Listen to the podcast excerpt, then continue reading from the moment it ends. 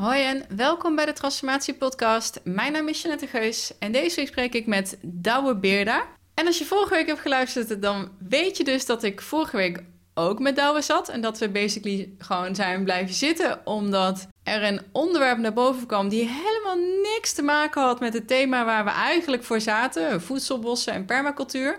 Maar wat mij echt op het puntje van mijn stoel liet zitten, omdat ik echt dacht: oké, wauw, ik ken het concept channeling. Ik heb regelmatig bij Aubrey Marcus, een hele beroemde channelaar, ook gehoord. En ja, ik ben super sceptisch en enorm nuchter. Maar ik had wel zoiets van: oké, ik heb nu iemand voor me die dit doet en die hier serieus mee bezig is. Ik wil wel eens even weten: wat is het dan en hoe werkt het en wat voor informatie krijg je dan door? En I was blown away a little bit. Nou, niet a little bit, maar gewoon heel erg. En je mag zelf bepalen wat je ervan vindt. Je hoeft het niet leuk te vinden, je hoeft het niet interessant te vinden. Ik vond het echt waanzinnig interessant om het hier met Douwe over te hebben. Ik hoor ook heel graag wat jij hiervan vond en of jij hier ervaring mee hebt of dat je denkt, nou, ik vind het echt uh, grote bullshit. Dat mag natuurlijk ook.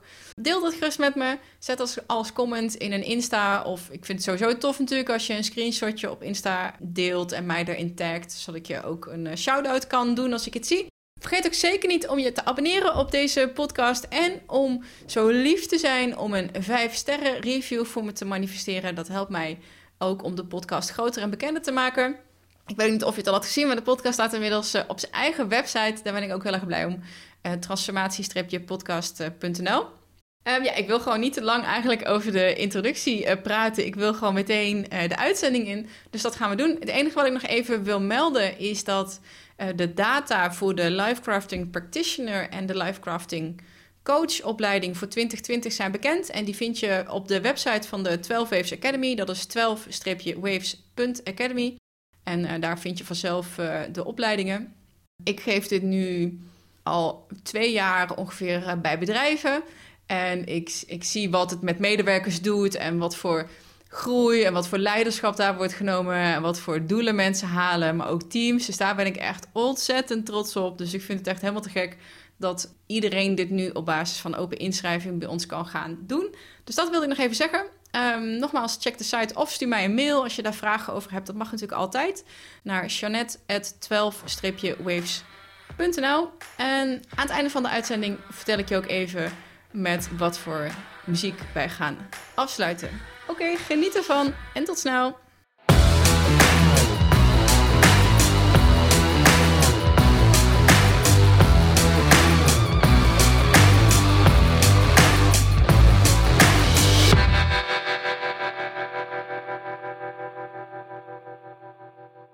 Wat wil je ervan weten? Oké, nou ik zal eerst vertellen wat ik weet. ja. dan kun jij misschien de gaten invullen. Ja. Um, er zijn een aantal eh, podcasts die ik heel graag luister. En eentje ervan is uh, een Amerikaanse uh, meneer, die heet Aubrey Marcus. Ja, ken je? Oh, ja. ja. en hij heeft een channel die daar een paar keer terug is gekomen. Sellig. Sellig. Ja, Paul Selleck. Paul ja. Selleck. Maar ik zat in de auto weg en toen denk ik, oh, ik kan niet op zijn naam komen. Ja. Paul Selleck. Um, ik, ik, word, ik Oké, voor degene die luistert, dat is een, uh, een Amerikaanse channeler. En die, die dicteert hele boeken. Hij maakt contact met guides. Dus, uh, die praten tegen hem. Maar die meneer praat op een hele gekke manier. Dus als yeah. je, um, hij fluistert heel snel. Ja. Hij fluistert heel snel. En hij fluistert heel snel. Dan herhaalt je het. Dus hij yeah. zegt, ik hoor bij mijn slaap, hoor ik heel snel iets. Dan kan ik het nog niet verstaan. Maar hij mompelt het dan al wel, heel snel. Hij fluistert het. En dan doet hij op een normaal spreektaal, herhaalt hij wat hij net heeft gehoord. Ja.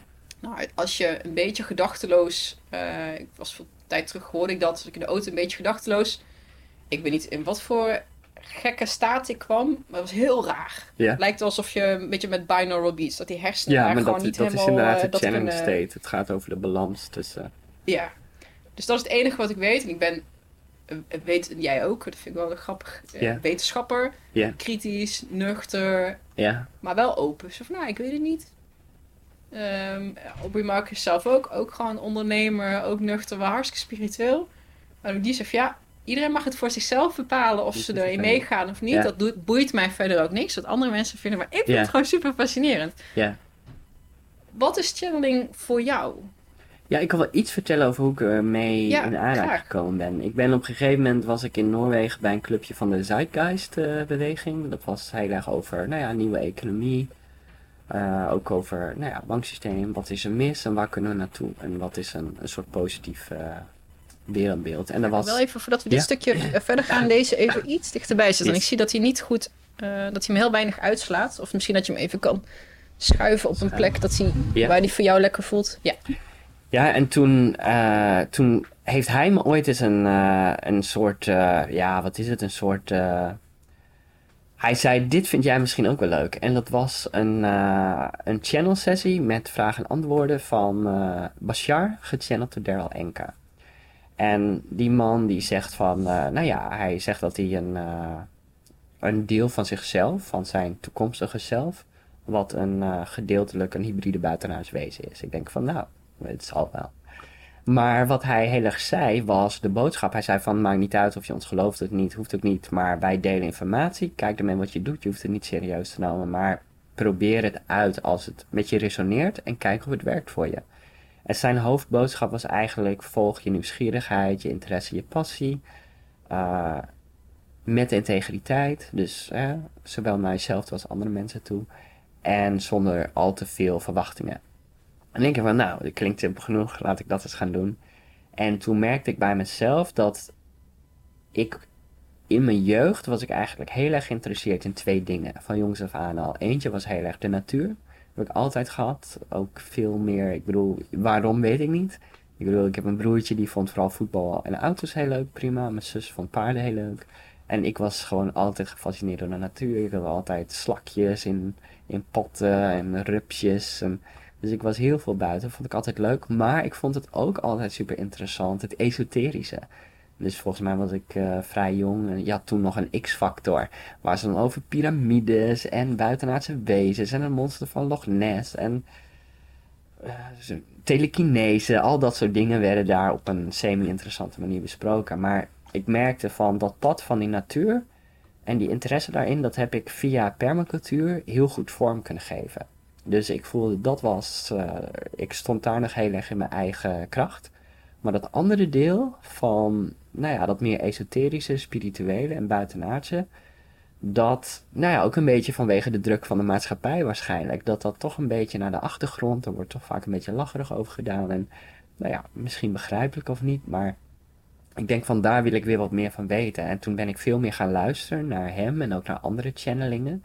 En ik dacht van, even los van, en dat zegt Aubrey Marcus ook en Paul Silic ook, van het gaat niet om de bron, het gaat om de informatie. En kijk of je daar wat mee kunt of niet. Nou, en ik heb er heel veel van geleerd. En toen op een gegeven moment kwam ik in contact met eh, ja, bepaalde Facebookgroepen die ook met zelfontwikkeling, spiritualiteit bezig zijn. En ik dacht van, nou, dit vind ik zo leuk. Ik ga gewoon actief vragen.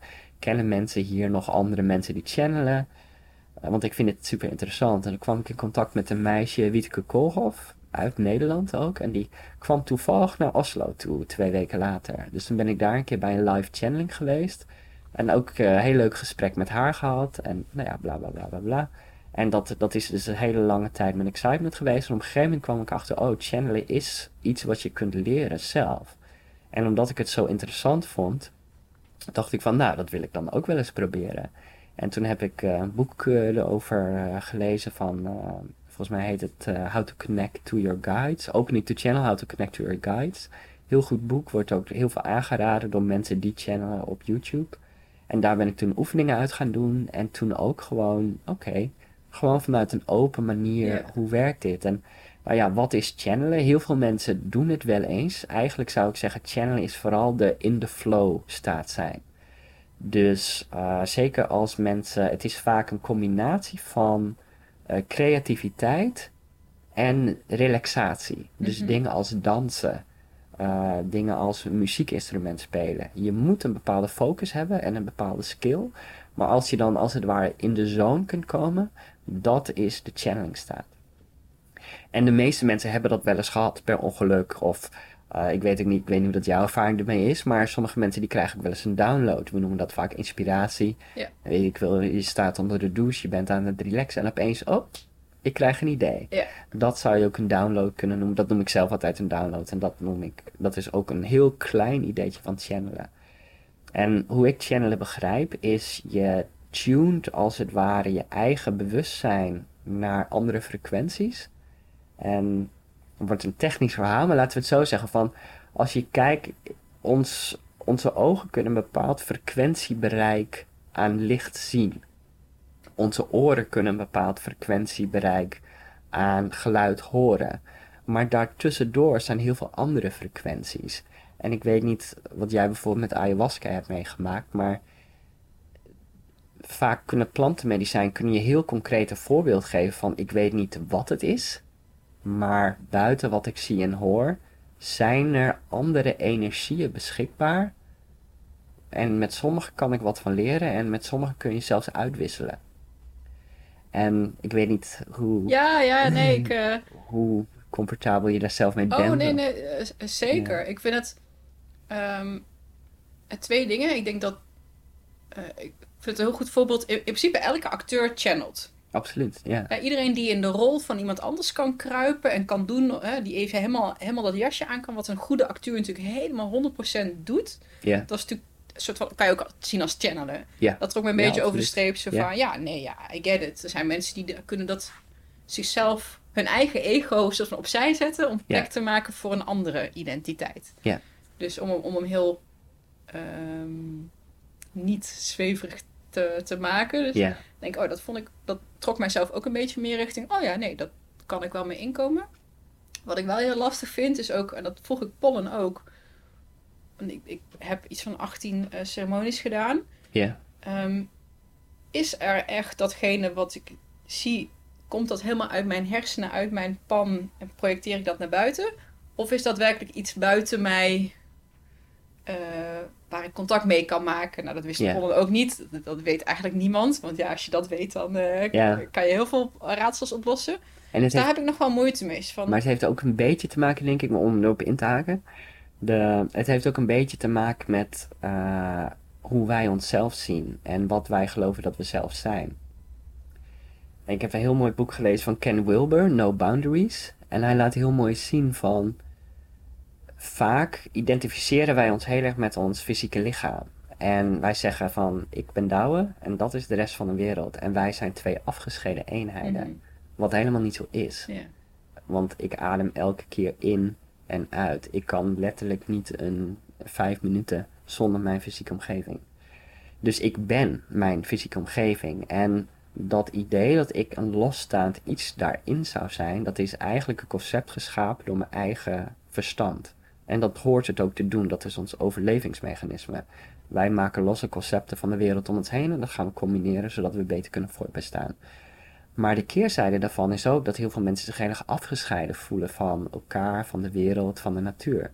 Terwijl als je gewoon feitelijk kijkt, zijn wij niet afgescheiden. Nee. En je zou zelfs kunnen zeggen van ja, wat is dat? En dan, hoe ik het heb begrepen is, je, je zou kunnen zeggen dat alles bewustzijn is. Mhm. En bewustzijn is overal en uit zich via verschillende wezens op verschillende manieren. Dus bewustzijn in een mens, in dit fysieke mens, uit zich als ik en bij jou zoals jij.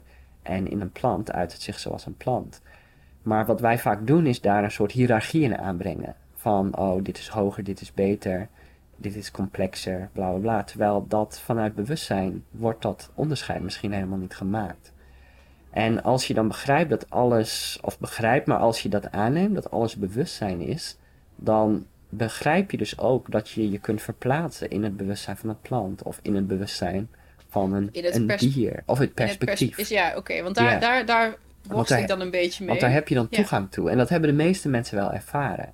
Maar wij zitten vooral in het Westen, en dat zegt eh, Ken Wilber ook heel mooi in zijn boek, van in het, in het eh, nou bijvoorbeeld eh, waar ayahuasca vandaan komt of paddenstoelen, dat wordt vaak als bijna heilige eh, middelen gezien, omdat het je in contact kan laten treden met het laat je zien dat er meer is dan wat je vaak gelooft dat je bent. En je kunt op een of andere manier communiceren met andere wezens, met andere energieën. En hoe je dat logistiek precies in een framework wil plaatsen, is vaak heel moeilijk. Ik besef net nu ook ineens dat is echt, echt op en top het hoofd wat het gewoon wil snappen. Ja, en het is ook wel heel logisch en het is ook wel belangrijk. Maar daarom heb ik zelf dat framework van... wat, wat, wat Ken Wilber eigenlijk zegt, is dat je hebt, je kunt kijken van als je all that is, is een bewustzijn. En daarbinnen maken wij een boundary van de mind van het individu. Maar daartussen, tussen all that is en het individu bewustzijn, je, je kunt een soort uh, transhuman, hoe zeg je dat? Het, het meta-menselijk, je kunt dat individu kun je overstijgen op bepaalde manieren. En in Oosterse culturen heb je bijvoorbeeld uh, het idee van reïncarnatie. Dat gaat daar heel erg op in, dat je uh, toegang hebt tot het bewustzijn van vorige levens of eventueel toekomstige levens. En uh, met de ayahuasca of met paddenstoelen zou je kunnen zeggen, je kunt dan het bewustzijn delen met zo'n plantenleraar of paddenstoelenleraar. Mm. En dat zijn allemaal concrete ervaringen dat je je eigen bewustzijn kunt overstijgen. En mm. sommige mensen hebben dat misschien ook wel eens in dromen gehad, dat je ervaring hebt van, oh, ik ben een ander persoon. En dat zijn allemaal van die transhuman identities. En channelen valt ook, wat mij betreft, op die bandwijdte daar. En als je begrijpt dat alles bewustzijn is en dat je dus op een bepaalde manier toegang kunt hebben tot andere incarnaties of het bewustzijn van die incarnaties, dan kun je dus contact maken met bijvoorbeeld uh, entiteiten die je kunt channelen. Zo heb ik het begrepen. Ja, ja, ja. Nee. Maar het is inderdaad wat je zegt. Ik heb voor mezelf ben ik er gewoon heel rustig.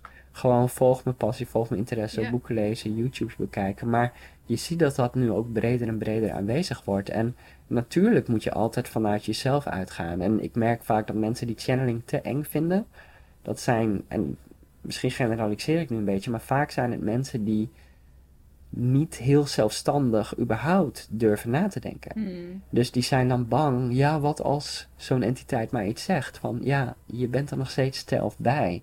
Jij bent altijd verantwoordelijk voor je eigen nadenken, voor je eigen onderscheidingsvermogen.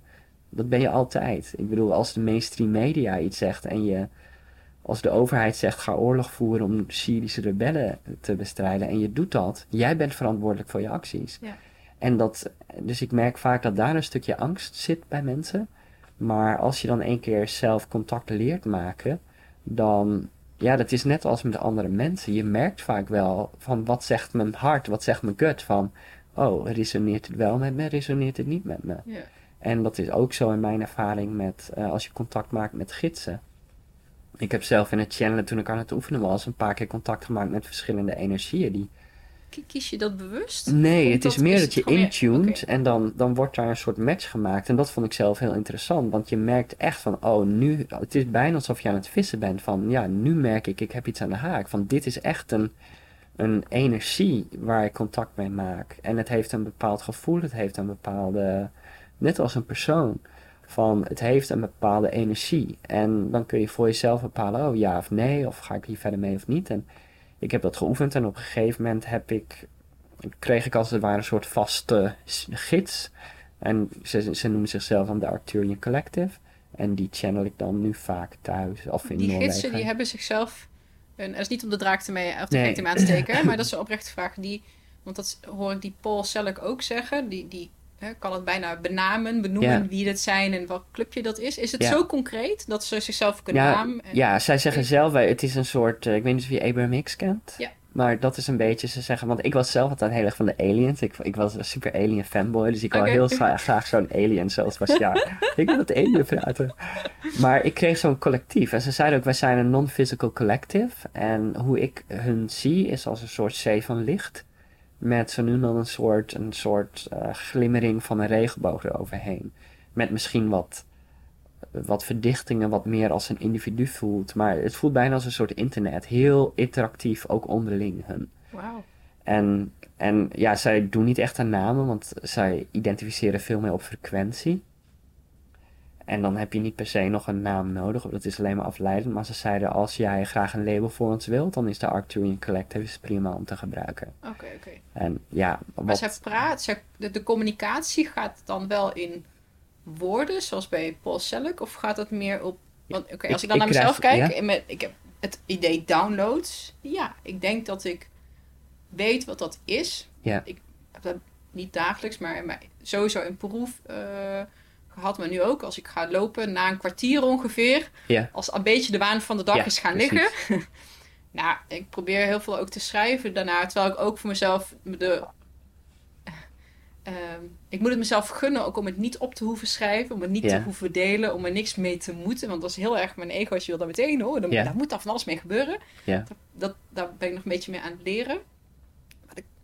Informatie, denk ik, wie, wie bedenkt dit? En het is altijd super spiritueel. Ja. Ehm, zie ik dingen of bedenk, nee, dat bedenk ik, dat download dan. Oh, eh, dat zit dan zo en zo, of dat zit zo. Ja. Dan gaat het over mezelf, of over mijn verleden, of over ego, of over social media. Gewoon Ja. over spiritualiteit, allerlei thema's. En dan inzichten, of inspiratie, downloads, hoe je het ook maar noemt. Ja, nee, dat, is absoluut de challenge state waarin Oké, nou ja, ja. die, die, die ken ik dan.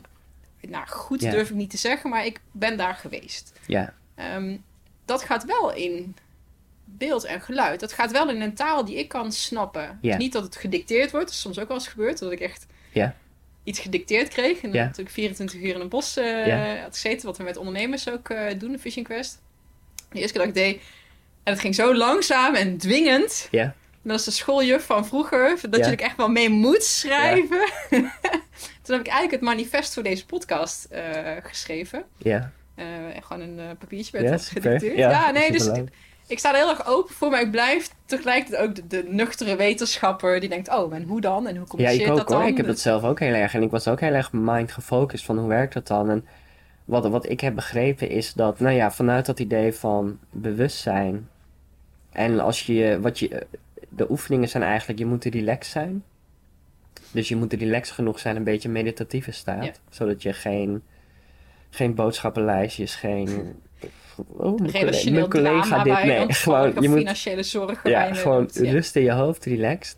En dan daarna is de tweede oefening uit het boek is focus. Want je moet wel degelijk focus hebben. En daar komt vaak het creatieve in. Want met mediteren kun je helemaal relaxen. Maar zoals je zelf ook merkt, je krijgt vaak informatie waar je graag wat wil mee Ja, doen. dat gaat... eh, Precies, en dat is de challenge state. Het is zowel het gas als de rem. Van je moet zowel, eh, ze zeggen wel eens, ik weet niet, ik haal die hersenhelften altijd door elkaar. Maar aan de ene hersenhelft krijg je de inspiratie. Ik geloof dat dat je rechter hersenhelft Rechts is. intuïtie, links Ja. is of net andersom. Ja, iets, Ik- Nou, maar niet en wat ze dan ook in die channel oefening zeggen is, denk alsof je de inspiratie in je rechter krijgt. Dat wordt vervolgens naar je linkerkant gespiegeld. En je hebt je linker nodig om die informatie of om die frequenties te vertalen in ons frequentiebereik Ja. op een nuttige manier, zodat het jezelf en andere mensen van dienst kan zijn. En Paul Selleck is inderdaad heel erg met woorden, maar ik heb het zelf niet zo. Ik krijg veel meer dat ze beelden en concepten eh, naar de drukken. Heb ik ook. Of inderdaad gewoon een idee. En nou, dat is met ayahuasca ook zo. Ayahuasca kan heel bewust zeggen van... Oké, ga nu dit en dit en dit. Of niet ga, maar als je... Dit lijkt ons een goed idee. En het is aan jou om daar wel of niet actie op te nemen. En dat is ook heel erg met toen ik in contact kwam met gidsen. Van ja, dit lijkt ons een goed idee. En zo kun je in meer alignment komen. Maar het is altijd aan mij om daar wel of niet actie op te nemen. En denk je dat die gidsen altijd het beste met ons voor hebben? Want ik snap dat daar kan soms een angst zitten. En ik denk dan, oké, is dit een gids buiten mij? Of is dit het bewustzijn... Nou, dat is eigenlijk een non-vraag, want die twee ja. zijn één. Maar zo Precies, van, hè, komt het beetje- uit mij? Ja, Maar ja, want ja. mijn hele bewustzijn... Maar komt het uit jou als afgescheiden individu van de mens? Nee, want dat bestaat überhaupt niet. Nee, dat is alleen maar het plaatje wat je hoofd ervan hebt gemaakt. Komt het vanuit mij? Het is, ik vergelijk het soms een beetje met internet. Ik wil iets weten over, laten we zeggen, permacultuur. En ik weet er niks van. Ik ga naar YouTube en ik connect met een andere persoon die er wel wat van weet. Die heeft informatie gegeven op een bepaalde manier eh geëncode, gekristalliseerd. Dat komt via eh, het internet en de elektriciteitskabel naar me toe. Of nu tegenwoordig zelfs via wifi. En ik kan die kennis overnemen en ik kan dat gaan toepassen. Channel is grotendeels hetzelfde, alleen tap je niet in op het internet van onze wereld, maar op het internet van de kosmos. Ja. In zoals ik het heb gezien. En zoals ik het van de Arcturian Collective begrijp, heeft het ook gewoon met algemene evolutie te maken. Zowel individueel als collectief. Zij zeggen eigenlijk, jullie collectief als mensheid is nu op een bepaalde mate meer en meer geïntegreerd. Er is bijna geen tribalisme meer. Mensen zijn veel internationaler. Eh, racisme, seksisme, al dat soort dingen. We accepteren elkaar veel beter zoals we zijn. We hebben veel minder dat we dat, dat ik ben beter dan jou, dat tribale. Dat is er nog wel.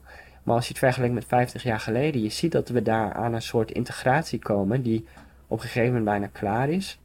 Of klaar, dat kan nog prima in bepaalde gebieden nog 50, 150 jaar duren. Maar het collectief zelf is meer en meer geïntegreerd.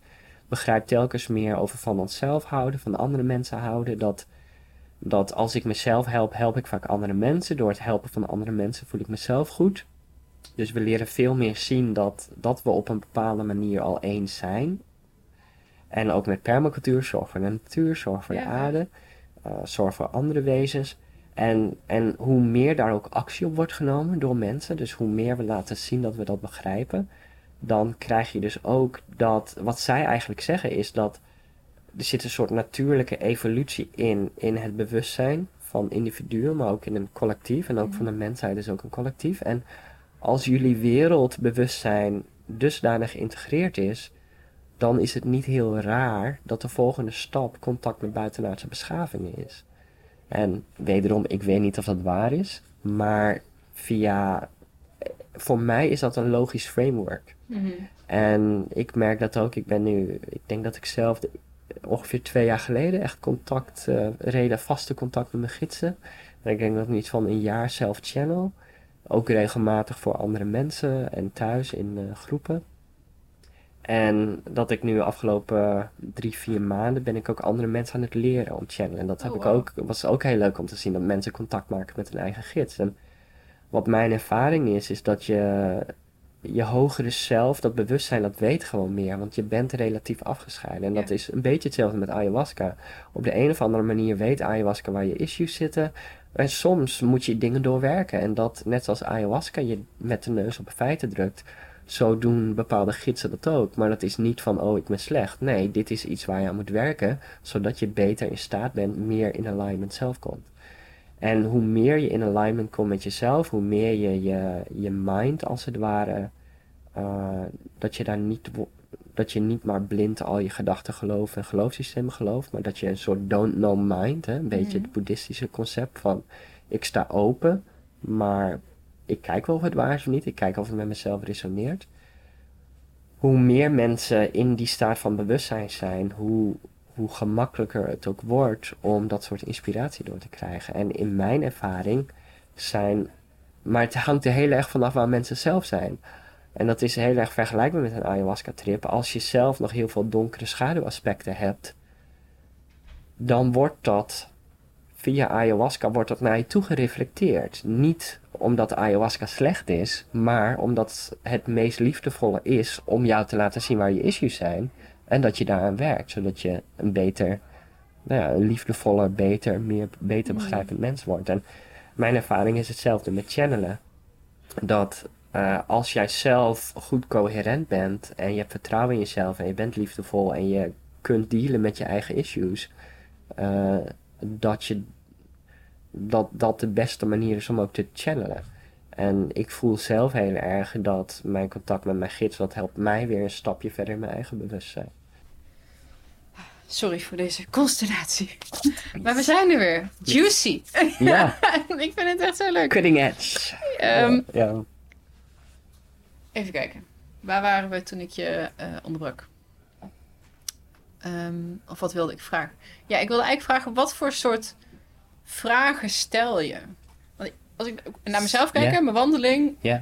er zijn natuurlijk thema's die spelen. Ehm, vaak is het nu dan bijvoorbeeld, ik merk dat ik weer snel richting depressieachtige buien kan schieten. Nou, dat is een beetje mijn verleden, zeg maar. Iedereen heeft zijn eigen stok achter de deur om een beter leven te willen. Bij mij is dat met name mezelf heel erg dwars zitten in mijn eigen de, de verhalen maken die in mijn hoofd zit, die vindt het heel erg leuk om doemscenario's en me heel onzeker te maken en klein te houden en belemmerend. En nou, volgens mij redelijk standaard als je er wat langer over nadenkt. Maar Dus heel vaak zit het. Er zijn zeker meerdere mensen die er last van hebben. Dus vaak zit het wel in die hoek. En zijn het inzichten die daar een soort van verlichting op geven? Of komt ook omdat ik er veel boeken, ehm, veel teksten over verlichting ook uh, lees. Ja.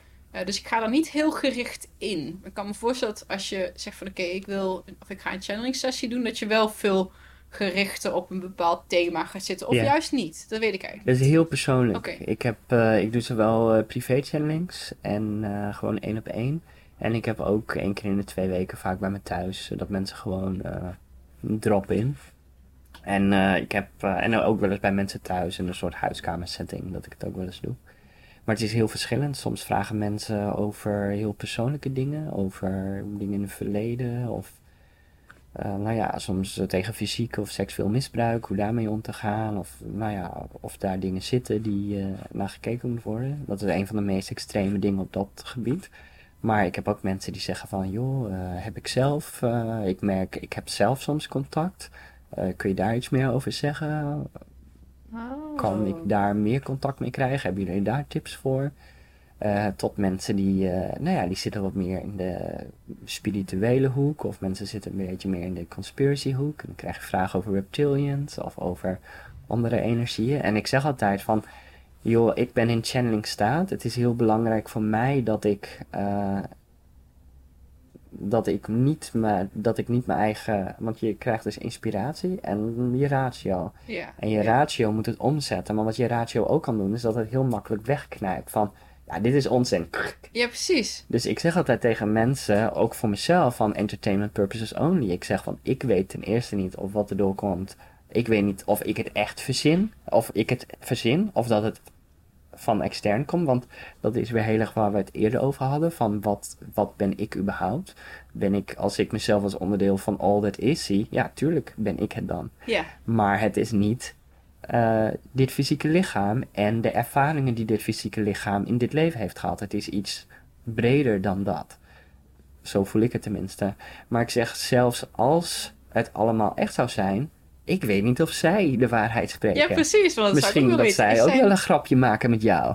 Of weet je wel, dus die verantwoordelijkheid ligt altijd bij de Ja, persoon zelf. En dat is heel belangrijk. En dan, in mijn ervaring, valt ook dan eh, de angst weg. Er is ooit een comedian die heeft gezegd, ik vond het zo grappig, dat was een of andere seriemoordenaar in, eh, in de VS.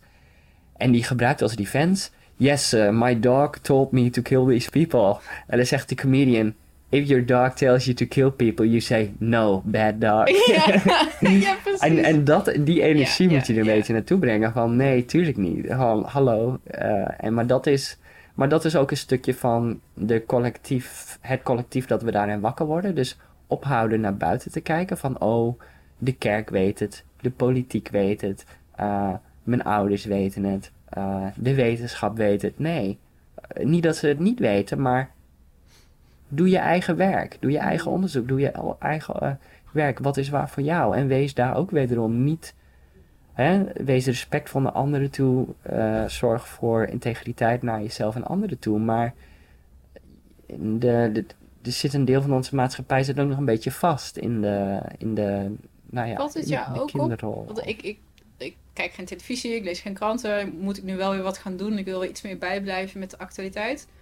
Maar bijvoorbeeld de series die ik kijk op eh, Netflix, het lijkt, ik zie veel meer voorbeelden van personen die zou je kunnen opschrijven als de, de, de, de slang is woke, geloof ja, ik. ja, ja, ja. Ehm, dus ja, gewoon spirituele uitspraken. Of Ja. mensen die duidelijk ego-werk hebben gedaan. Ik wil meteen een disclaimer op het woord werk. Want dat was Ja. voor mij namelijk ook een obstakel.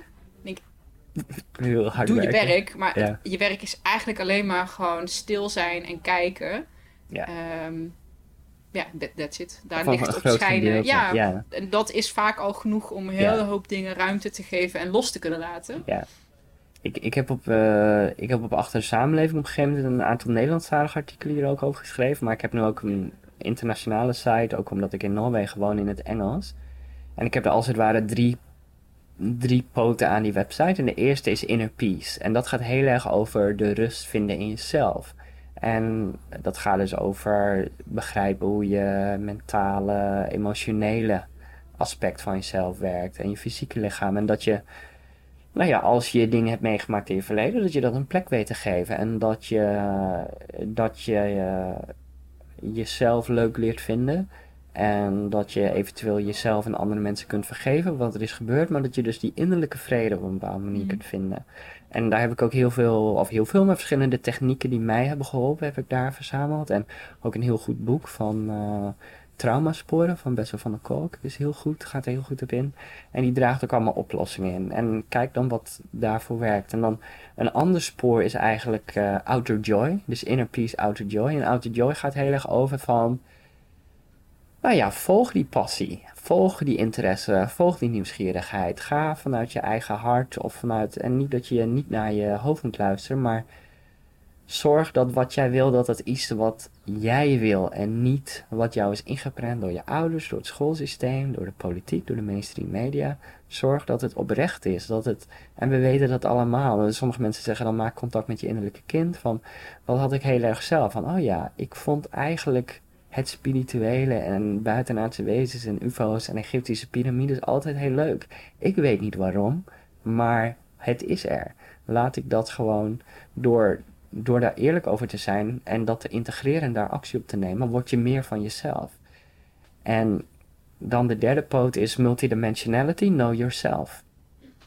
En dat is heel erg van als je innerlijke vrede hebt gevonden en je vindt het leuk om je eigen wereld uh, de aandacht en energie te geven aan wat je belangrijk en leuk vindt en waar je energie van krijgt dan kun je, en het hoeft niet per se, maar ik, ik voel vaak dat mensen, als ze die twee dingen relatief goed in balans hebben, dan zijn ze op een bepaalde manier klaar. Als het, wederom, het moet je ook aantrekken. Als mensen dan interesse hebben in dat multidimensionele aspect, nou ja, dan heb ik daar op mijn website wat oefening om mensen bijvoorbeeld zelfregressie kunnen doen. Puur om te. een soort regressietherapie, maar dan via YouTube. Wat is en heel licht. Regressie is contact maken met vorige levens. Oké. En dat is een beetje die. die en je, na mijn ervaring met ayahuasca, het is, het is allemaal een soort veld. Wat je doet is je. Je stapt uit je, in, niet uit je veld, maar je verbreedt je bewustzijnsveld. En uh, zelfregressie, dat is simpel met woorden. Dus uh, nou ja, relaxed en kijk of je dit kunt vinden. En misschien komt er dan iets binnen. En dat moet, het is een hele relaxed, laagdrempelige, gratis manier om hiermee te experimenteren voor mensen zelf. En ik heb daar ook wat, nou ja, een, hoe mensen zelf kunnen leren channelen bijvoorbeeld. Omdat daar mijn eigen passie lag en ligt, om zo maar te zeggen. Wat, wat waren vragen die, um, ja, misschien is dat heel persoonlijk, maar uh, Weet je nog wat de eerste vragen waren die jou? Of de eerste, heb je een gesprek dan met zo'n, stel dat acteur in collective, je hebt daar, maakt daar contact mee. Um, merk je, krijg je echt antwoorden op jouw vragen? Ja, maar wat ik zelf, als ik zelf echt een vraag heb, wat ik dan vaak merk is dat ik gewoon een download krijg. Of dat ik opeens een YouTube filmpje in mijn kant op komt. Of dat ik opeens een sterke impuls krijg om een bepaald boek te lezen. En dan denk ik, oh ja, ik maakte in het begin wel eens een grapje van ik heb blauwe gidsen. Ze zeggen me de hele tijd om boeken te lezen. zin om, ja, ja, geen zin om het allemaal door te lezen. Hier staat 90% in. En dit klopt. En vaak als je dan leest, dan krijg je wel een soort bevestiging. Maar dat is je zelf ook vast van. net als met permacultuur. Ja, tuurlijk. Dit wist ik eigenlijk al. Al die spirituele boeken die ik lees. Uh, ik had laatst uh, Gabrielle Bernstein. een stuk heel, heel toegankelijk voor een grote groep. Ik las dat en dacht, ja, de, ja, hè. En dan denk ik, maar hoe lekker is het ook? Daarom vind ik deze boeken zo lekker, omdat het één grote bevestiging. Ja. Want ik vroeg me af van waarom lees ik dit nog? Weet je wel, ja. er staat eigenlijk niks nieuws in. Wat is... Net een ander sausje, andere woorden. En, maar het is gewoon zichzelf wat zichzelf herkent, denk ik dan. En wat het ook fijn vindt om zichzelf ja, want te zien het, het, is blijkbaar, zit je op... En wederom, je werkt in die channelwereld vaak met frequentie.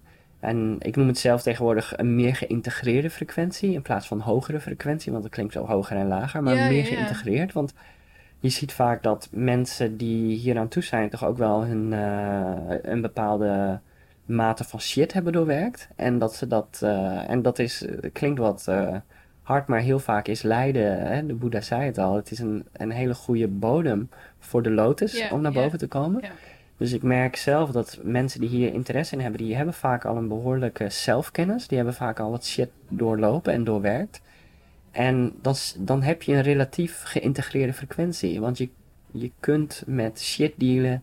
Je, je, je weet dat het leven niet alleen maar de reclamefilmpjes is. En je hebt daar een plek in gevonden waar je meer en meer comfortabel in wordt. En in mijn ervaring is als je die meer geïntegreerde frequentie hebt er zit een soort natuurlijke. Ik zeg wel eens, het, het groeien in frequentie, het bijproduct daarvan is plezier, of dat voelt goed. Dus ik denk dat alle wezens, al het bewustzijn heeft een bepaalde behoefte om telkens net een stapje verder te gaan. Ja, wat, en dat denk ik ook. Dat, dat, het ook steeds complexer wil worden.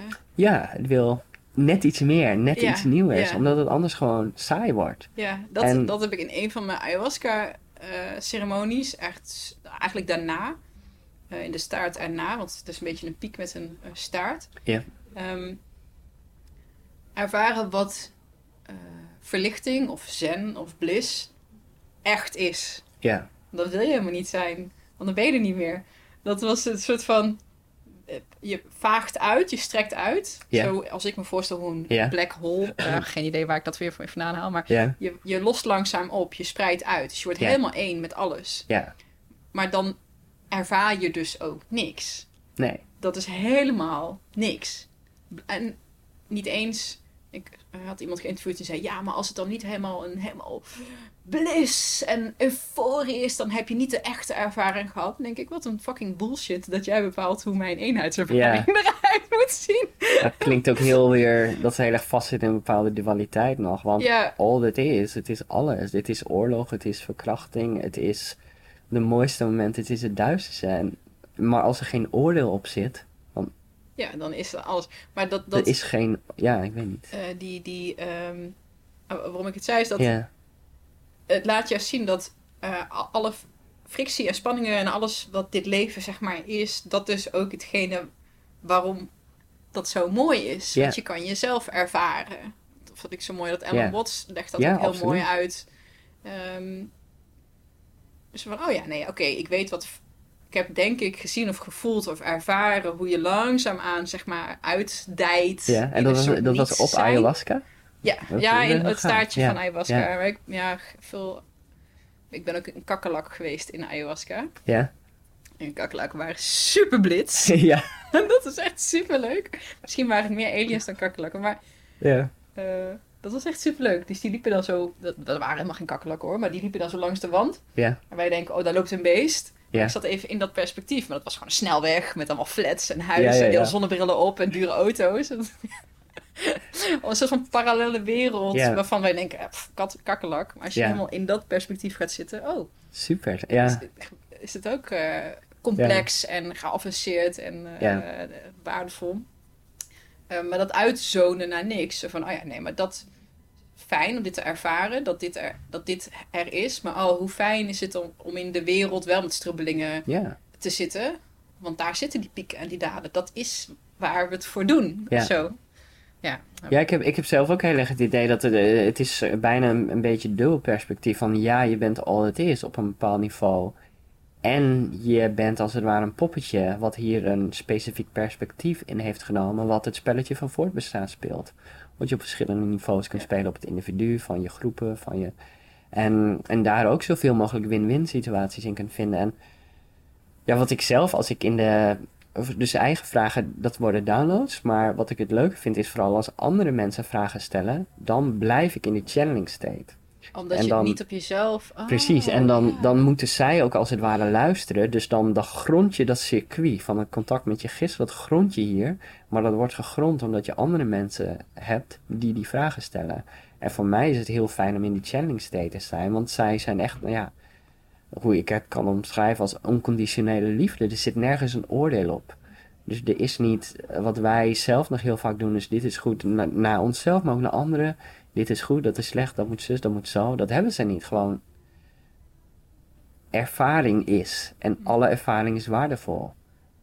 En ervaring die wij als slecht zouden kunnen bestempelen, dat kan je zeker zo zien. Maar omdat die ervaring is geleefd, kan daarna een betere keuze worden gemaakt. Maar als je die ervaring niet had gehad, had je dat perspectief niet gehad en had je dus niet. Je hebt die ervaring nodig om te leren. Ja. En, en zo krijg je dus, en dat is een beetje wat Abraham Hicks ook zegt, van je hebt contrast nodig. En dat is ons spel van, ja, we vinden dingen, we, we zijn tot bepaalde dingen aangetrokken en niet tot andere. We vinden eh, bepaalde dingen vinden we fijn, vinden we niet fijn. Maar alleen door het te leven ervaren we dat. En Ja. vervolgens zet onze mind wederom daar een bepaald oordeel op, wat ook zijn functie heeft. Want zodat je niet continu, hè, dat je een beetje dezelfde dingen die niet plezierig waren, dat je die een beetje kunt vermijden.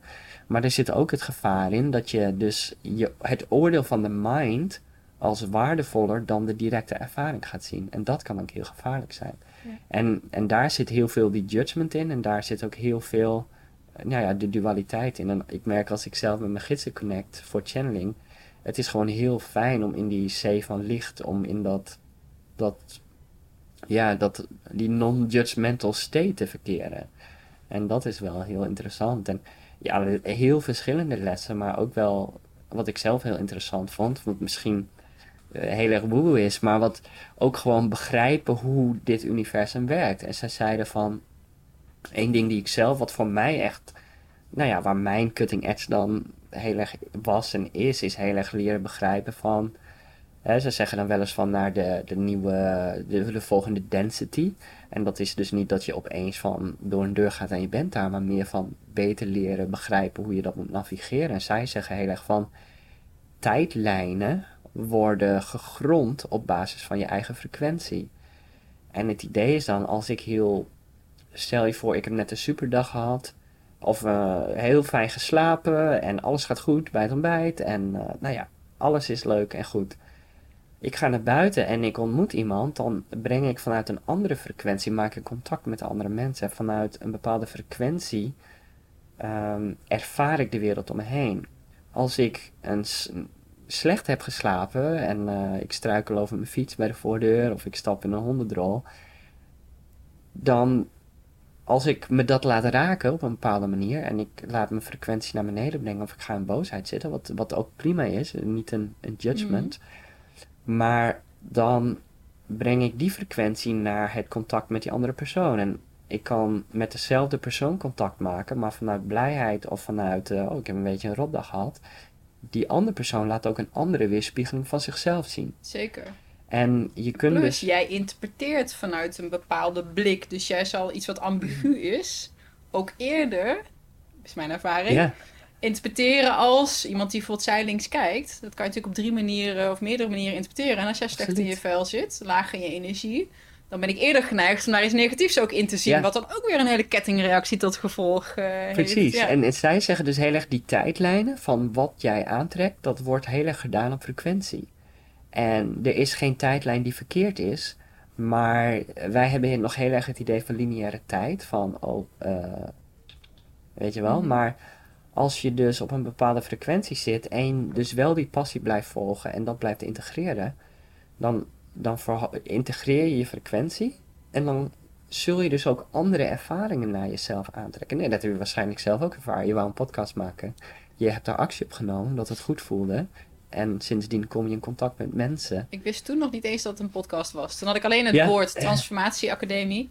Dat was dan, zo heette het eerst. Ja, Ehm, ik wist nog geen idee wat dat zou gaan worden. En toen werd het een podcast. Ja, ja maar super toch? Maar je, je ziet voor jezelf van zo werkt het. Van oh, blijkbaar, misschien als dit vijf jaar voor die tijd was gekomen, had je misschien gezegd, ah, dat durf ik niet, dat is niks voor mij. Of, dus blijkbaar was je geïntegreerd genoeg om, je, om in principe een soort inspiratie voor jezelf aan te trekken. Dus dat doe je, dat co-creëer je ook zelf. Je trekt een soort inspiratie aan. En dan is het weer aan jou om daar wel of niet actie op te Ja. nemen. En ik heb dat zelf ook gemerkt, want ik dacht ook met channel, ik denk van, ik had best wel een, eh, in de alternatieve media achter de samenleving, ik had best wel geschreven over mainstream media, boel over corruptie, bla bla bla bla bla. Maar toen kwam dit channelen en dit, nou ja, dat hele idee van buitenaards en interdimensionale wezens erbij. Ik denk van, ja, dit gaat me wel eh, in ieder geval de helft van mijn lezers kosten. maar ik denk van, ja, wil ik het of niet? En ik zeg van, ja, dit is wel waar ik nu zit en waar mijn groei nu zit. Ik ben wel een beetje klaar met de, ja, er zijn eh, bepaalde controlesystemen, maar zolang, wij, zolang ik zo blijf co-creëren, ik kan gewoon ook dat laten voor wat het is en mijn energie gebruiken om in de wereld te zetten wat ik liever Is, zie. is het in jouw ervaring, eh, als je contact maakt, zijn het echt ehm, buitenaardse entiteiten? Of is het ons collectieve bewustzijn? Of zijn die twee hetzelfde? Wat bedoel je met ons collectief bewustzijn? Ehm, nou, het idee wa- wat ik heb als ik dus in die meditatieve staat ben en ik krijg inspiratie, om het dan maar even heel eh nuchter te houden. Ja, Ehm, soms zijn dat thema's waar ik denk ik, oh, hoe kom ik hier nou in één keer weer op? Maar dat voelt nog wel als, dat voelt hetzelfde als die boeken die je leest. Van, oh ja, oh ja, oh ja. En dat is nog heel erg, oh, dat is on- in ons collectief bewustzijn. Dat, ehm, ik zal even kijken of ik een voorbeeldje kan eh, eh, bedenken. Was inderdaad eh, er twee die me te binnen schieten. In één keer dacht ik, social media is het ego van het universum. Dacht ik, ja. Want wat is social media? Niks anders dan dat wij een beeld van onszelf etaleren. Daar de hele tijd, dat merkte ik van mezelf ook. Ik zit de hele tijd naar mijn eigen feed te kijken. Ja. of mijn eigen stories. Nou, Ja. ik ben blij dat jij er ook om kan Ja, lachen. ja, ja. Zo van, het is continu mezelf benadrukken. Ja. Dat is natuurlijk heel erg ego-dingetje. Van kijk eens Ja. naar mij en daar continu ook naar weer, naar weer terug willen kijken of zo. Dus ik denk, nou, dat is eigenlijk gewoon een soort van universeel ego. Ja. Nou, dus dan ga ik daar, Ja, ja, ja. dat zie ik dan voor me op. En de andere keer was het meer van, ehm, onze ego is een soort slak die een huisje ehm, heeft gemaakt. Ja. Oh, en dat huisje. Oh, die heb ik niet opgeschreven. Maar dat huisje fungeerde als een soort schild, een, een ego. Maar ik vond dat idee van het slak zo leuk, omdat het een eh, torentje is. Ja. Ehm, nou, dus maar dan zijn Ja. dat soort thema's. Ja, dan- ja, ja, dan- Dat gaat dan weer verder. Dan denk ik, geen idee waarom ik dan nu dan bij kom. Maar dat denk ik, oh, dat, ik kan me wel voorstellen dat dit een gedachtegoed is wat in het collectieve nee, bewustzijn eh, aanwezig is. Ik denk ook dat als ik, en daar begin ik wel langzaamaan een beetje ehm, eerlijk naar mezelf in te zijn of zo. Ja. Soms denk ik van, oké, stel dat ik in reïncarnatie zou geloven. En eigenlijk denk ik, ja, waarom zou dit bewustzijn, of het bewustzijn wat zich nu via mij aan het uiten is, Ja. en niet ook eens een keer via iemand anders zich heeft geuit, of een deel daarvan. Ja. Ik denk dat ik een rondreizende filosoof, psychoanalyticus schrijver Ja. was. Of ben ooit geweest.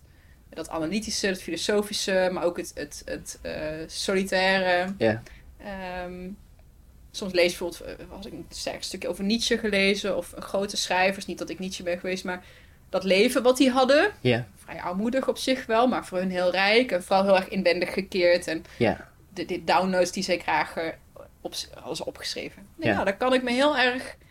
Mijn hoofd, denk ik, ja, dit is wat ik geweldig leuk vind om te doen. Analyseren, vragen stellen, reflecteren, kijken.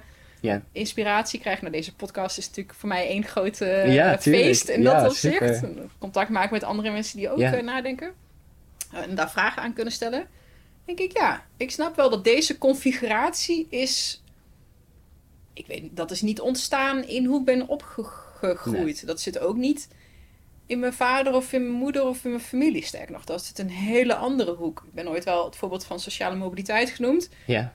Ehm, mijn verleden is verslaafd, crimineel, depressief. Ja. Dat heb ik ook nog nooit zo hardop uitgesproken. Maar waar komt dan dit analytische, filosofische, zware... ehm, Ja, dan dat denkende, dat intellect dan weer vandaan. Zo, Ja. Oké, ik ben wel in een hele andere Ja. groep nu. Er zat er nog een fase tussen dat je echt in de red race zit met een academische carrière. En Ja. iets proberen te maken van jezelf. En nu is het zo min mogelijk Gewoon willen maken lekker van je mezelf. eigen ding doen. Ja. Maar denk ik, ja, waar komt dat dan weer vandaan? Dat, eh, dat, ik, dat zit niet in mijn opvoeding of in mijn genenpakket of in, in hè, wat je zou verwachten dat mijn conditionering is opgebouwd. Ja. Nou, misschien, ik heb geen idee. Ik, ik voel daar wel iets voor dat dat misschien wel ooit is Ja, ik zou dat zeker eens verkennen. En het hangt ook... En dat is ook wederom... Het is ook heel erg van... Hoe, hoe ik het begrijp is het heel erg van... Het gaat om persoonlijke groei. Het gaat om evolutie. En Ja. hè, wat ze ook in het Nederlands heb je in ieder geval het spreekwoord van... Oh, dat is een oude ziel. En het is heel vaak dat geïntegreerde bewustzijn... En niet, hè, niet... Die zoeken vaak ook een wat heftigere situatie op om te incarneren omdat je dan meer leert op een bepaalde Ah. manier. Dus Makes perfect sense. snap je? Dus het is meer als je het als een computerspelletje ziet. Ja, je ja, je, ja, je oh, bent het level hard aan het spelen. In plaats van dat je de, in de doorsonwoning op, Zo in Almere zit. En, Eh, eh, Zo noemen we dat letterlijk. Ook onze relationele situatie. Ik zit in een open latrelatie, ook nog ergens polyamoreus aan de zijlijn. Zo van, dit is wel level hard wat we Ja. aan het doen zijn. Dit is gewoon een standje moeilijk. ja, Dat weten we, daar kiezen we ook voor. Ehm een aantal verslavingen overwinnen. Of nu dat laatste restje, dat depressieve. Ja. Ik weet precies wat ik moet doen hoor, om daaruit ja, uit te trekken. Maar soms dan sleept het je nog even mee. Ehm, of dat stukje criminaliteit. Ja, ik heb er wel heel veel van geleerd. Maar als je dan kijkt naar... Jezus, ik heb eh, tien echte relaties gehad. Ik heb vijf keer samen gewoond, maar allemaal Ja. twee jaar. Ja. En nu, ik word 40 volgend jaar. Dus, en dan als je dan 30 bent, denk je, ja... Nu dus denk ik, oh, mijn langste relatie was twee Ja. jaar. Maar in mijn beleving klopt het precies. Want ik ben elke keer, heb ik weer een... Alsof ik deze context helemaal heb opgezogen. Ja. En geïntegreerd en ge- ge- geleerd wat ik daarvan kon. Op naar iets nieuws. Ja. Maar dat stukje zelf, wat, dat stukje wat die consistentie in mij wil... ja, ehm, vond dat wel heel erg lastig. Want ik moet ook afscheid nemen Ja. van iets. Dan moet iets dood. Dan, Ja. Hè? ja, nou ja, dat is wel zo. Of we iets getransformeerd, maar ja. ja. En nu, nu voel ik weer een soort van shift met een, paar vrienden die ik al heel lang heb. En dan merk ik van, eigenlijk verwelkom ik het nu. Van, oh, ik kan me daar heel rot over voelen. Dat ik een disconnect voel Ja, ehm, met sommige mensen of situaties. En in het begin kan je daar heel erg een soort van liefdesverdriet, heimweeachtig ja, eh, ervaren. En nu denk ik, nou misschien is dat wel weer een teken, of een teken, een aankondiging van weer een groeispurt of, Nieuwe- of het ja. einde van een groeispurt, ik weet Ja. het niet. Oh, maar dat is fijn. ja. ja ik, Dus dat verandert heel erg, dat sentiment van, oh, wat gebeurt er? Eh, en en wat, hoe voelt groei? En heb je daar, ik heb, tenminste, ik heb dat zelf ook gedeeltelijk wel ervaring mee, maar ook dat je daar ook beter in wordt en dat je er ook beter in leert vertrouwen. Want Ja, wat, vertrouwen. Ik denk dat dat Ja, het woord is wat, eh, ja. wat ik ook vanuit de Arcturian Collective begrijp, ik heb gisteren nog bij een vriendin ook een channeling gedaan en daar kwam dit thema ook heel erg terug van. En ik heb het zelf ook een beetje doorgemaakt. Ik ben zelf homoseksueel, dus op een gegeven moment merkte ik ook van ja, of ik wees eerlijk over wie ik ben. Wat misschien een beetje ingaat tegen de maatschappij. Want ik kom zelf van het Friese platteland. En niet dat die mensen er tegen waren, maar het, vragen. het Als bestaat channeling, gewoon niet. Ja? Iemand op het Friese... Mijn Weet je hemel, wat moet je ervoor een... eh, Ja, maar dat is ook heel erg van, je groeit daarin. Ik had een boel natuur om me heen en mensen waren op zich prima vriendelijk. Ik was wel een beetje een weirdo, maar ik heb nooit dat mensen onvriendelijk waren of zo tegen mij. Het is ook wel een, een gemeenschap over het algemeen die warm is en een beetje eh, voor elkaar uitkijkt. Maar ik heb toen daarmee best wel, nou ja, geworsteld, maar dat ik denk van, oh, maar... Ten eerste was het zoiets van, volgens mij heeft Schopenhauer ooit gezegd van je kunt wel of niet doen wat je wil, maar je kunt niet willen wat je wilt. Van, ik merk dat ik op mannen val. Ik, heb, ik kan daar niet in kiezen. En dan kan ik dat wel of niet doen. En dat merk ik ook met dat, ik heb altijd al een interesse in eh, de natuur gehad. Net zoals mijn broertje een interesse had in iets anders. Ja, en dat is niet iets wat ik beslis. Dat is iets waar ik actie op kan nemen of niet. En ik kan dat eh, laten zien. Of ik kan het wegstoppen.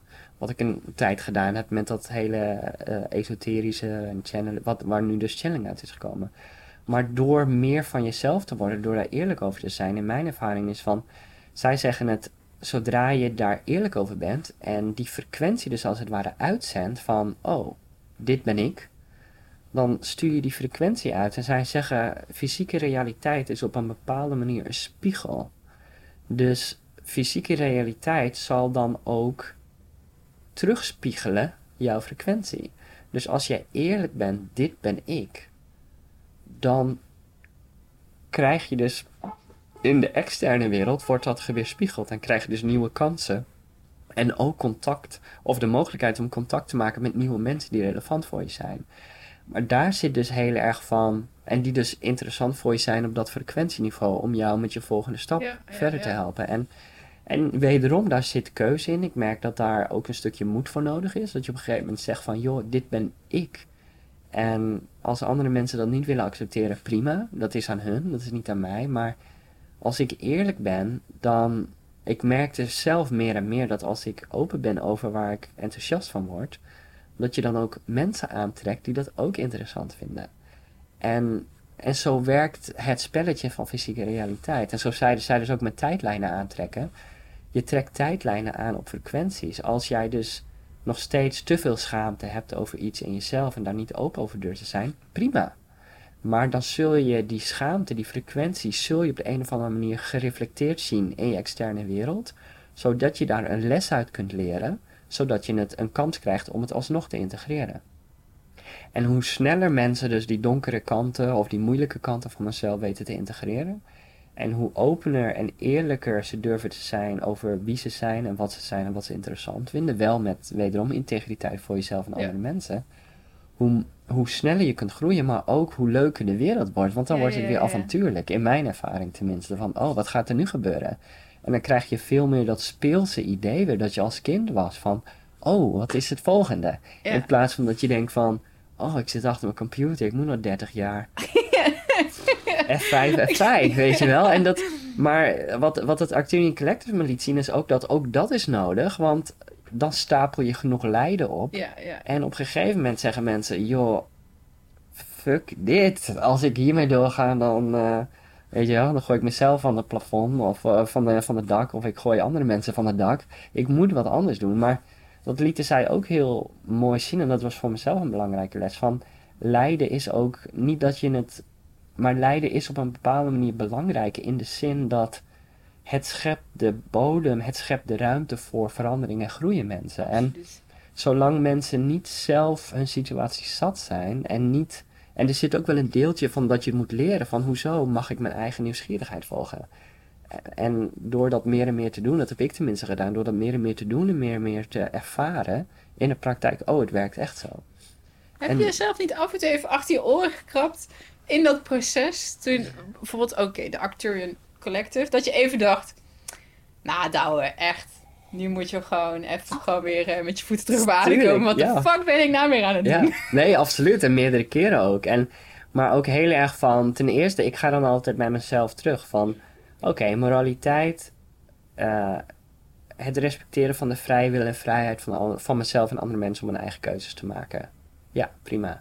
En een recht is elke actie die niet resulteert in de schade van een ander. Oké, nou, voldoet het aan die morele standaard? Als ik channel, vind ik het leuk? Ja. Doe ik er iemand anders pijn mee? Nee.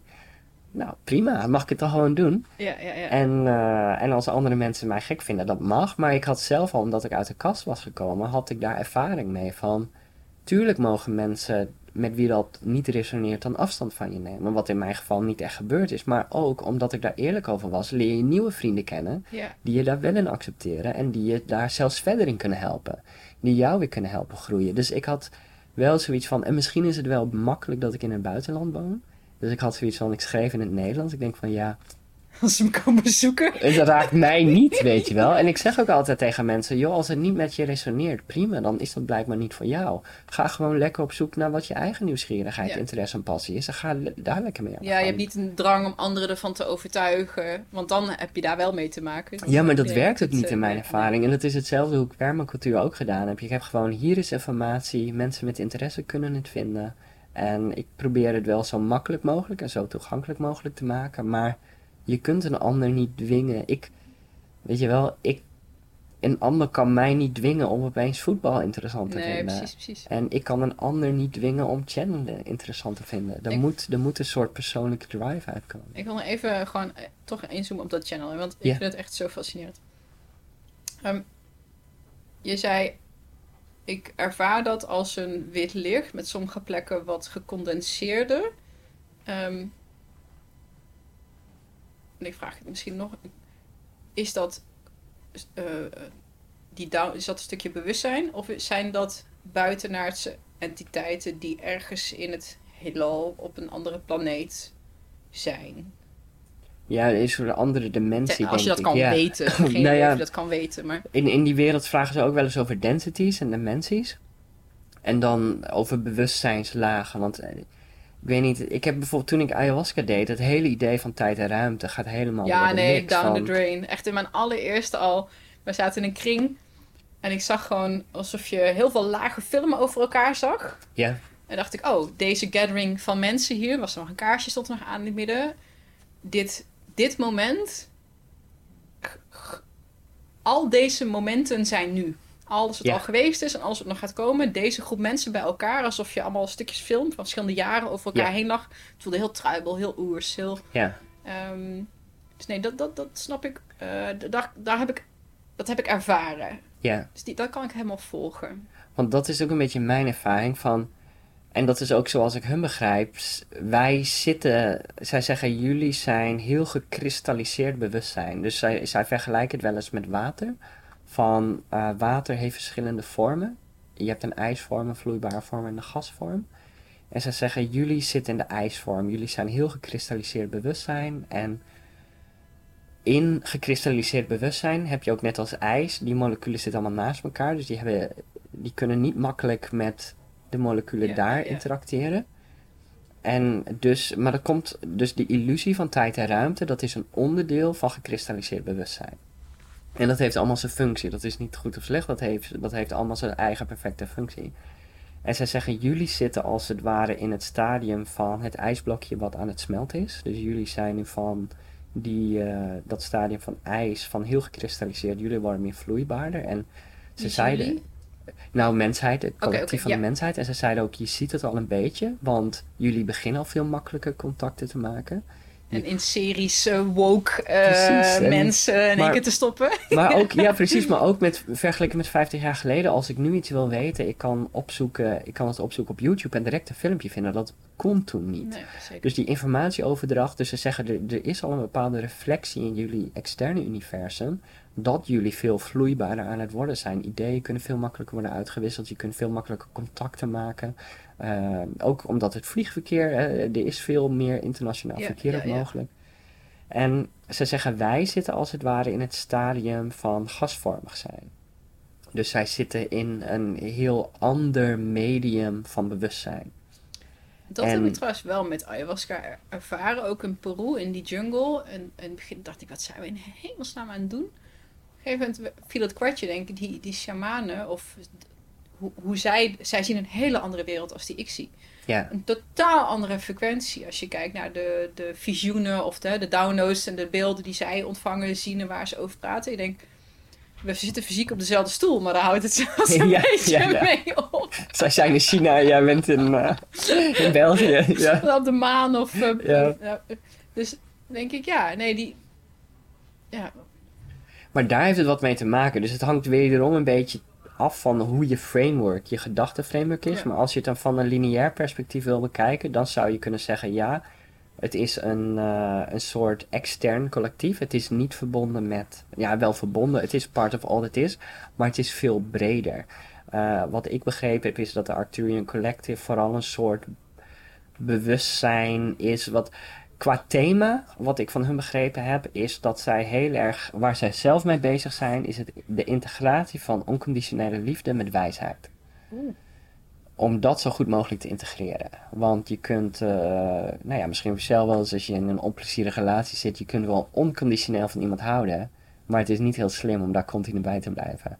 Dus er zit ook een stuk wijsheid in. En wijsheid komt ook vanuit ervaring. ja. En dat is als het ware hun thema.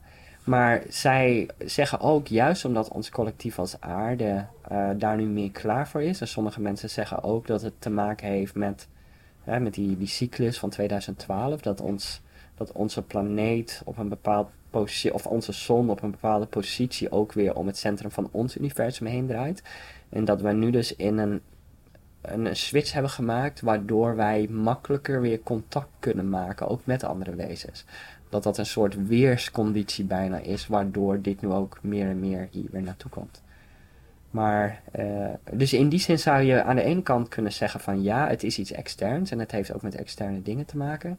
En van de andere kant merk ik ook, het is ook deel van mezelf, Ja, want het ja, zit ja, ook al in je. En dat, dat, dat, dat, is ook iets met ook ayahuasca. En ook van, het, het beeldspraak van ijs en water. Denk ik, oh ja, dat, dat, ik kan daar wel wat mee. Ja. Dat, eh, ehm, wat ik nog wilde vragen, dan... Ja. eh, ten eerste, hoe, hoe weet je dat je, stel dat je wil dat gaan oefenen. En Tjelne, hoe weet je dat je in de juiste staat bent? Maar die wil ik heel even parkeren. ja, zodat ik hem niet vergeet. Ja. dat wil nog wel eens gebeuren. Ehm, in in eh, een van mijn, ergens het middenstuk eh, van mijn ayahuasca geschiedenis, ja, was er een ceremonie Ik ben niet altijd heel diep gegaan ook hoor. Mensen waren niet allemaal even visueel of, of informatief. Maar had ik het idee, ook, er is nu een energie, een density bij mij. Daar kan ik, het voelde als een, ik kan geen enkel ander woord dan God erop schrijven, Nee. noemen. Maar zo dat makkelijkst. Dat was er. En ik kon vragen stellen. Ja. Ik merkte dat ik alles wat ik kon bedenken, deed er niet toe. Want dat waren allemaal ego-vraagjes. Eh, ga ik die relatie krijgen? Hoe gaat dit gebeuren? Uiteindelijk, ik- volgens mij heb ik wel, ik weet niet eens meer precies wat ik had gevraagd, maar alles werd heel nietig. Als er zo, het is zo van, zo van oké, je hebt nu vijf minuten Ja, om deze alwetendheid al je vragen te kunnen stellen. Brandmandels, je zou verwachten dat je echt zo klaar zit met pen maar ik merkte dat ik juist helemaal niks te vragen had. Zo van, want alles is oké. ja, En dat, ik heb nu bijna ook bij jou zoiets van, oh, wat zou ik aan dat acteur in collective willen vragen? ja. En dan merk ik dat eigenlijk alles er bijna niet toe doet. Zo van, ja, ah, wat pity. Weet je, dat zijn klein. Ja. Van het kleine, dat dingen waar het kleine zelf zich dan mee bezighoudt. Ja, ja maar daar, het is ook goed om dat ook te accepteren op een bepaalde manier. Maar ik merkte het zelf. Ik heb zelf ook in een periode gezeten dat ik heel interessant vond. En ik ben altijd heel intellectueel geweest, altijd boeken gelezen en doe ik nog steeds wel. Maar ik ook, en daarom vond ik channelen zo leuk. Van, oh, deze gast praat met de buitenlandse Ja, ja. Mijn vijfjarige kind was helemaal gehyped. maar hij bracht ook echt heel veel informatie door. Dat ik dacht van, wat de... Weet je wel, dit is inderdaad wat je in boeken leest. eh, Hoog spiritueel, maar soms nog een stap verder. Dat ik denk van... En ook wel eens dat ik dingen was van, ja, super sceptisch. Maar goed, ik kan het proberen. En dan er zelf een beetje bij blijven. Dus ik heb een hele tijd ook heel veel vragen gehad. En ook in mijn eerste, toen ik zelf contact maakte, ook best wel heel veel downloads. Maar op een gegeven moment werd het ook gewoon stil. Van, oh ja, het heeft veel meer met een soort beingness te maken. Met, oké, en er gewoon vertrouwen in hebben. Oh, als ik iets wil weten, dan komt dat vast wel op mijn pad. Of ik kan het vragen, of ik ga op internet. Maar dat heeft mij wel een stukje rust gegeven. Maar ik merkte wel dat ik gewoon ook dat proces zelf moest respecteren. En daar gewoon, ja, gewoon blijf die passie volgen. En Het is ook, dat is Dat ook een schaarste gedachte. bedenk in. Zo van, oh, het moet nu in deze vijf minuten, want straks is het weer weg. ja, Ook dat is natuurlijk gewoon bullshit. Want dat, kan je, dat is er altijd. Dat is Ja. er overal. En dat zit ook in mij. Ja, en dat is ook het leuke Ja. van als je kunt leren channelen. Dat was ook interessant om te zien om nu ik andere mensen eh, aan het leren ben te channelen. Het is ook heel interessant om mensen te zien die contact maken. En dan de eerste keer contact van... Oh, oh maar wat als het nu weggaat? Ik zeg gewoon, joh, je, Ja, je, ja, hebt, net, je hebt net geleerd de, de verschillende treden van de trap.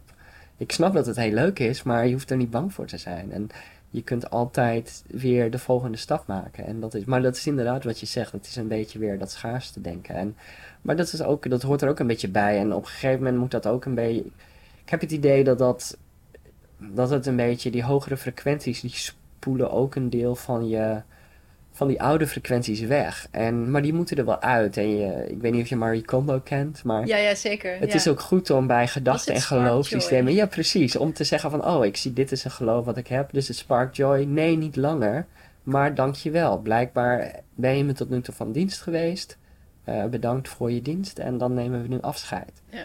En dus als je dat op een respectvolle manier kunt doen, dan hoef je daar ook geen frictie of conflict in te brengen. En dan kun je gewoon meer en meer integreren. En dan, ja. Ik heb voor mezelf een, eh, een, ehm, een, een trigger of een, iets wat mij dan helpt als ik weer even weer overspoeld word door de, de verhalenmaker in mijn hoofd die graag eh, ruzie aan het zoeken is met al. Die heeft allemaal eh, argumenten met mensen die op hun allerslechtst zijn. En Ja. mij, Uiteraard. ja, Ja. dat gebeurt aan de lopende band. Ja, Is de, oh, dit is een wat nou als gedachte. Wat nou als ik die persoon zie en wat nou als we dat gesprek hebben. Wat nou als hij of zij zo reageert. ja, Het is allemaal is toekomstscenario's. Ik denk, oké, wat nou als het tegenovergestelde waar is? Een beetje Byron Katie Ja. eh, de methodiek. Dus Ja. jezelf heel kritisch bekijken. Oh, wat nou als... Oh, ik ga die persoon zien. Maar wat nou als die helemaal lekker in zijn vel zit... en als die helemaal zijn beste zelf is? Zoals ik ook van die persoon ken... in plaats Ja. van zijn slechtste zelf. ja, Oh, weet je wel, en dan is het waar wij, of jij het straks net over had, wat neem ik mee? De, de rimpeling die ik uitzend, als ik in dit verhaal geloof, of in dit verhaal geloof. En wat het dan bij mij doet, als ik daar een beetje in blijf hangen, is dat ik merk van, oh, maar ze zijn alle twee even waar. Waarschijnlijk is er een optie 3, 4, 5, 6, Precies, 350 die ik niet eens nu kan bedenken. Dus waarom Ja. mij dan druk maken over dingen die er nu niet zijn. Dus het helpt mij heel erg om het hier en nu te, Ja. terug te komen, steeds weer. Want ja, Nee, je bent er en dan ben je weg. En Dat dan heb ik je ook weer heel erg je gehad. Ja. En dat, dat is ook hoe zij dus zeiden dat tijdlijnen navigeren op frequentie. En ze zeggen er is geen foute tijdlijn. Maar Maar wat, ik snap, wat is een tijdlijn? nou, een tijdlijn is dus een mogelijkheid van Oh. ik kan morgen vroeg kan ik vijf dingen doen. En al die vijf dingen hebben verschillende consequenties. Ja. En afhankelijk van waar ik ben. Dus wat ik net zei, die, die ruzie in mijn hoofd Ja. met die persoon, dat is een tijdlijn. Ja, als maar je. die- ja, maar dat En als je daar dus heel erg in blijft zitten, dan anker je die frequentie dus van dat conflict. Je bent continu een beetje. mm. Ja, En, piekeren Ja, maken. en die frequentie die grond je dan. En dat is prima. Maar wat er gebeurt is, die frequentie wordt gegrond en dan open je een tijdlijn die dat thema verder gaat verkennen. En dat kan vervelend zijn, maar waarschijnlijk leer je er iets van. Want je leert een nieuw perspectief van jezelf of een ander. Je leert net een nieuw dingetje hoe je ermee om kunt gaan. En dan de volgende keer kun je zeggen: Oh, ja, nou ja, weet je wel, iedereen heeft wel eens een slechte dag. We zien wel hoe het is. Maar kan En je dan dat, breng je die moet je dat frequentie dus leren niet meer. in het doen? Of kan je het ook leren door in dat gedachte-experiment te blijven zitten? Nou, dat, je heeft, dat, dat is een beetje, ik weet niet, ik heb zelf ook heel veel buinkeuken gedaan, heel veel aan gehad. En ik merkte gewoon dat als je het gewoon los kunt laten zelf, die frequentie van, oh, brr, brr, brr, die persoon zou zo moeten zijn, is het waar? Hoe voel ik me als ik dit geloof? Eh, hoe behandel ik andere mensen zou als ik zo zijn geloof? als ik dit niet zou denken? Precies, en, dan, en als ik dat los kon laten, dan in principe heb je het dan veranderd. Want dan is er geen reden voor het universum. Blijkbaar snap je het genoeg om het los te kunnen laten. En dat heeft dus ook heel veel met zelfvergeving en vergeving van andere mensen te maken. Maar ook met leren vertrouwen op je eigen onderscheidingsvermogen. Van joh, ik snap dat jij bent wie je bent. En ik, vind het, ik zie verder niet in hoe jij nog relevant voor me bent. Ja, ja, ja. En dan kunnen we in liefde afscheid van elkaar nemen. eh, Soms eenzijdig. Ik- Maar, eh, maar dat zijn allemaal dingetjes die we moeten leren. En wat ik heel erg van het Arcturian Collective heb begrepen is... al dit soort dingen, dat zijn over het algemeen lessen die ons type wezens... en je kunt dat in menselijke vorm of net iets andere vorm... maar dat is dus precies het type lessen wat ons soort bewustzijn hier kan leren. Dat je zou zelfs kunnen zeggen dat we daarvoor hiervoor zijn. Ja. Juist om heel veel van dit soort dingetjes van jezelf leren vertrouwen, jezelf lief leren hebben, andere mensen lief leren hebben, andere mensen leren vertrouwen, maar ook je eigen onderscheidingsvermogen gebruiken. Ook begrijpen dat iemand onconditioneel liefhebben ook op afstand kan. Of, eh, en een ander de ruimte durven geven om hun proces. En om, eh, als je andere mensen ziet lijden, dat je denkt van, oh, wat vervelend voor je. Ik ga het voor je oplossen. Eh, dat mag, maar daar ga je ook ervaringen mee opdoen. Ja, ja, ja. Terwijl als je zegt van, joh, ik zie dat je het moeilijk hebt. Dit heeft mij geholpen. Laat me weten als ik iets voor je kan doen. Ja. En verder ook accepteren dat mensen soms gewoon door hun eigen shit moeten voordat ze... En dat zijn allemaal van die dingetjes. En ik zeg niet dat ik het allemaal al gegrond heb. Maar, maar en, en ook dus die moed. Van op een gegeven moment ook de moed durven hebben van... joh, ik snap van dit is mijn fysieke omgeving. Maar dit doet het niet meer voor mij. Ik wil iets nieuws. Dit is wie ik ben. Hier zit mijn groei. Ik ga dit opzoeken. En dat zijn allemaal van die lessen die op dit moment bij heel veel mensen worden geïntegreerd. En hoe meer dat wordt gedaan, hoe... Nou ja, net zoals jij als individu, dus als jij op een andere manier jezelf naar een interactie brengt, ervaar je en eh, co-creëer je ook een andere eh, interactie. Als collectief werkt dat ook zo. Zij zeggen als genoeg individuen op planeet Aarde dit hebben geïntegreerd, dan kan ook het collectieve universum op een bepaalde mate iets anders gaan weerspiegelen dan wat jullie nu doen. En dat is, maar dat zijn dan inderdaad heel veel van die spirituele boeken waar zij op zitten. En dat is ook een beetje hoe ik het begrepen heb. Je hebt verschillende buitenaardse rassen, maar je zou het ook kunnen zien als bewustzijnsgroepen die misschien net een stapje verder in hun evolutie zijn. En daardoor dus heel relevant voor ons. Dus je hebt bijvoorbeeld Pleiadians die heel erg over onconditionele liefde zitten. Maar onconditionele liefde heeft dus... ze? eh, de Pleiadians. Pleiadians. Ja, Pleiadians. eh, Van de Pleiaden Oh, worden ja, het ja, vaak ja. aan verbonden. En je ziet ook dat bepaalde Native Americans en Aboriginals... die hebben daar ook in hun eigen cultuur... eh, behoorlijk wat verhalen over dat er contacten waren in het verleden... tussen dat soort groepen en ons als mensen. Maar die hebben bijvoorbeeld als archetypisch eh, onderwerp, hebben zij heel erg onconditionele liefde. Maar ook dat daar de schaduwzijde van naïviteit aan kan zitten. Ja. En, en, en dus, en wat je zelf in de spirituele hoek nog wel eens ziet van, oh, ik ben het licht en liefde, ja. En er is ook de yin en de yang, er is Ja. ook de balans Daar van, ik heb ik me een tijdje een beetje aan geërgerd. Zo van die drang naar alles, alles moet goed en liefde en nooit meer stress. Ik denk dan toch, Ja, ja, dat- nee, het moet in balans zijn. dat- Voor deze hoeveelheid wit moet het toch ook een hoeveelheid zwart zijn. Maar dat is ook meteen zo van, oh, nou wat is dan dan weer voor nee, maar dan eh, zit je niet onaardigheid of zo. Ja, maar, dan, maar het is meer om te leren ook, denk ik. En eh, als je weet dat beide keuzes dus zijn, van ja, ik kan dit doen, maar ik kies voor dit. Maar heel vaak moet het ook uit ervaring komen, van je moet vaak het negatieve op een bepaalde manier ervaren hebben, Ja. om de betere keuzes te kunnen maken. En dat is, dat is simpelweg hoe evolutie werkt. Ken Dus, jij Dark Knight of the Soul? Als boek? eh, nee. Ehm, ik ben even de naam eh, kwijt. Dat las ik toen ik ook in Peru eh, was. Ja. En die duikt, en toen, dat was, stond het woord- burn-out niet in. Het ging iets meer over depressie. Maar een Dark Night of the Soul. Dus, Ja. hè, de, ehm, wat ik daar heel mooi aan vond, is dat... Tot ik dat boek las, was ik heel het idee van... Oh, je moet daar zo snel mogelijk uit. Hè. Dat is vervelend, dat is naar.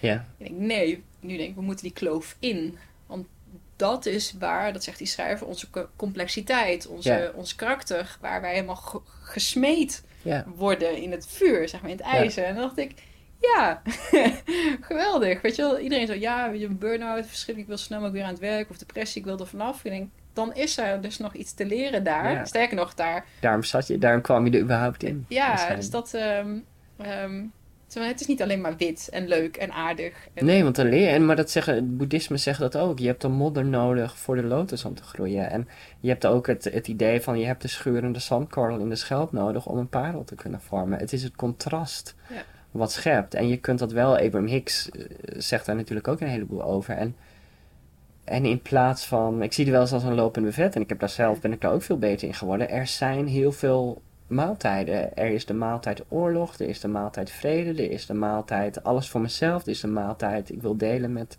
anderen die je ook nodig hebben. En je mag al die maaltijden kiezen en eet er wat van en kijk wat mij werkt. Oh nee, dit vind ik niet lekker. Nou, leg het neer. Maar wat ik zelf heel erg nog had, was van, oh, ik vind dit niet lekker. Waarom eet jij het dan in vredesnaam? Weet je wel, dat je dus heel erg van anderen gaat veroordelen op waar zij zijn. En dat jij het dan zogenaamd beter weet en dat mijn keuze beter is. En dat natuurlijk moet er geen oorlog zijn. Nou, ik heb daar heel veel banketje op gedaan van. Natuurlijk moet er geen lijden in de wereld zijn. Ja, is het waar?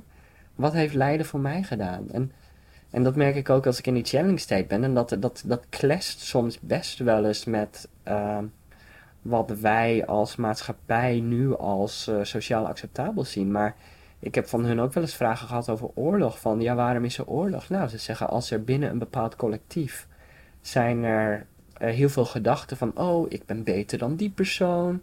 En of dat nou op ras, of op huidskleur, of op etniciteit, of op geloof, of op ge- geaardheid, of op oorgrootte is, dat maakt niet uit. Maar als heel veel mensen geloven, ik ben superieur aan die persoon, en die persoon moet doen wat ik wil, en ik mag dwang en geweld gebruiken om dat eh, te verkrijgen. Als er genoeg van dat soort gedachten in een collectief zijn, dan is het dus heel logisch dat een collectief vroeger of later oorlog met elkaar gaat voeren. Dan ervaren ze wat dat is. En dan denken ze, oh, nou, dat is misschien toch niet helemaal wat we wouden. En vervolgens zie je dus dat die ervaring van oorlog ervoor zorgt dat mensen denken van, oh, eh, misschien toch maar een beetje vriendelijker tegen Mm. elkaar zijn. En, maar vanuit hun perspectief is dat prima. Ze zeggen als een collectief oorlog nodig heeft om dat te leren. En het is allemaal co-creaties. Het is, het is niet dat je het via die manier hoeft te doen, maar het is wel een optie en dat kan en dat is prima. En ik heb dat zelf ook met vragen bijvoorbeeld gehad van mensen met eh, nou, best wel hele heftige levensthema's, bijvoorbeeld eh, kindermisbruik. Wat zij zeggen, en dat is, ze zeggen heel vaak van, of een aantal keren zeiden zij van, dit klinkt misschien heel raar, maar vaak zijn zielen die dat elkaar aandoen, aan de andere kant staan die vaak heel dicht bij elkaar. En dat is meer dat je een computerspelletje speelt van, oké, we gaan een computerspelletje in, nu gaan we echt iets idioots met elkaar doen. Maar je doet dat alleen omdat je op dat andere gebied zo dicht bij elkaar staat en zoveel van elkaar houdt, dat je zoiets mm, raars en pijnlijks en afgescheidens uh, aan elkaar wilt geven als ervaring. Omdat je daar wel beide van kunt groeien. En misschien in dat leven komt dat nooit weer goed.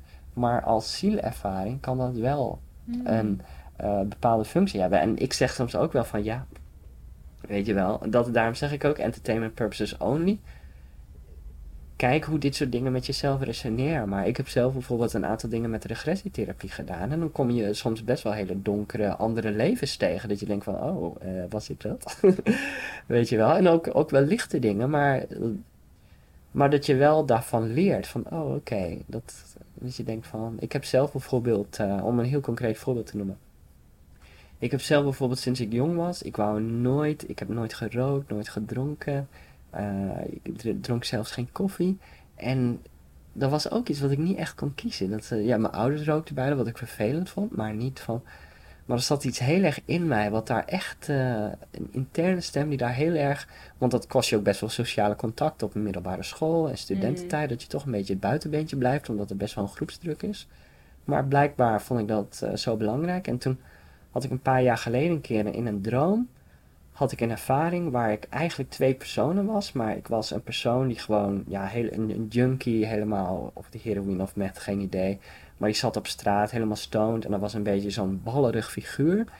En nou, die vond me echt het laagste wat het laagste, maar ik kon ook zijn ding ervaren. En die schopte die junk dood. Gewoon als een agressie werd op die junk gebotvierd. En ik als junk stierf, maar ik kon ook voelen wat hij doormaakte. En ik denk van, oh, dat is misschien wel het thema waar ik uit kom. Maar de grap was ook, ik kon beide perspectieven volledig ervaren. En interessant genoeg hadden beide heel erg het thema van mijn vader vindt me niet goed genoeg. En die, die jongen die dus aan uh, drugs was gegaan, die had het als het ware opgegeven. En die andere jongen, die had heel erg het idee van, oh, ik moet mijn vader, indruk maken op mijn vader ten koste van andere mensen. Mhm, dus op mhm. een bepaalde manier hadden ze hetzelfde thema wat in die ervaring werd uitgespeeld. Dus ze waren op een bepaalde manier van elkaar als service, want die, die, die ze hebben elkaar twee nodig. Ja, en die persoon die werd doodgeschopt, die vond het eigenlijk wel prima. Want die had zoiets, ja, die zat lekker in zijn roes en die vond er toch al lang niks meer aan. En die zag het ook niet meer goed komen. En die andere jongen, die, die merkte ook van, oh fuck, wat heb ik nu gedaan? Die voelde zich daar achteraf heel slecht over. Van, oh, kut, weet je wel, van is dit het waard? Al die haat, nu ik dat daadwerkelijk doe, oh, dit voelt verschrikkelijk. Dus op die manier hadden beide perspectieven er ook van geleerd. En, maar ik, ik, toen kwam ik weer, werd ik wakker en dacht van, ah, ik heb dit alles uitgeprobeerd. Ik, heb, ik ben blijkbaar alles helemaal ten onder gegaan aan de verslavende middelen. Dus daar zat iets in mij wat onbewust was, wat dan gewoon altijd eh, eh, eh, eh opdrukte. en ik had er bijna geen controle over. En dat is, je zou dat dan een vorig leven kunnen noemen, maar je zou het ook kunnen noemen, uh, Bashar noemt het similar parallel incarnations. Als je van die bewustzijn van die hogere niveaus, je kunt dan intappen op ervaringen van andere delen van al dat is. En dat kun je dan als het ware downloaden, zodat je niet per se zelf die fouten, of fouten, maar die doodlopende wegen hoeft te, ja, ja. Oh, oh man. Maar goed, ik weet niet hoe, uh, of, hoe, hoe zweverig dit inmiddels aan het worden is. Maar... Nee, voor mij denk ik, oh, on to the good part. Ja, maar dat, dat, ja, en, en dat, ik heb best wel veel van dat soort ervaringen gehad. Dat ik best wel hele donkere dingen in dromen meemaakte. Van, oh oké, maar omdat je het de ervaring ervan hebt in een droom, valt het oordeel weg. En je weet gewoon hoe het is. En dan denk je, oké, ja, ja, dit was inderdaad onplezierig voor beide partijen. Dit was absoluut een lose-lose situatie. Ik denk dat, dan, dat ik in dit leven dan heel veel dingen gewoon in real life heb uitgeprobeerd. Waaronder, nou, ik ben niet dood gegaan aan verslaving, maar ik heb het wel. Uh, dat is een, ja. een, doodlopende weg die ik tot aan het einde toe, zeg maar, wel ben ja. ingelopen. Ah nee, toch weer terug.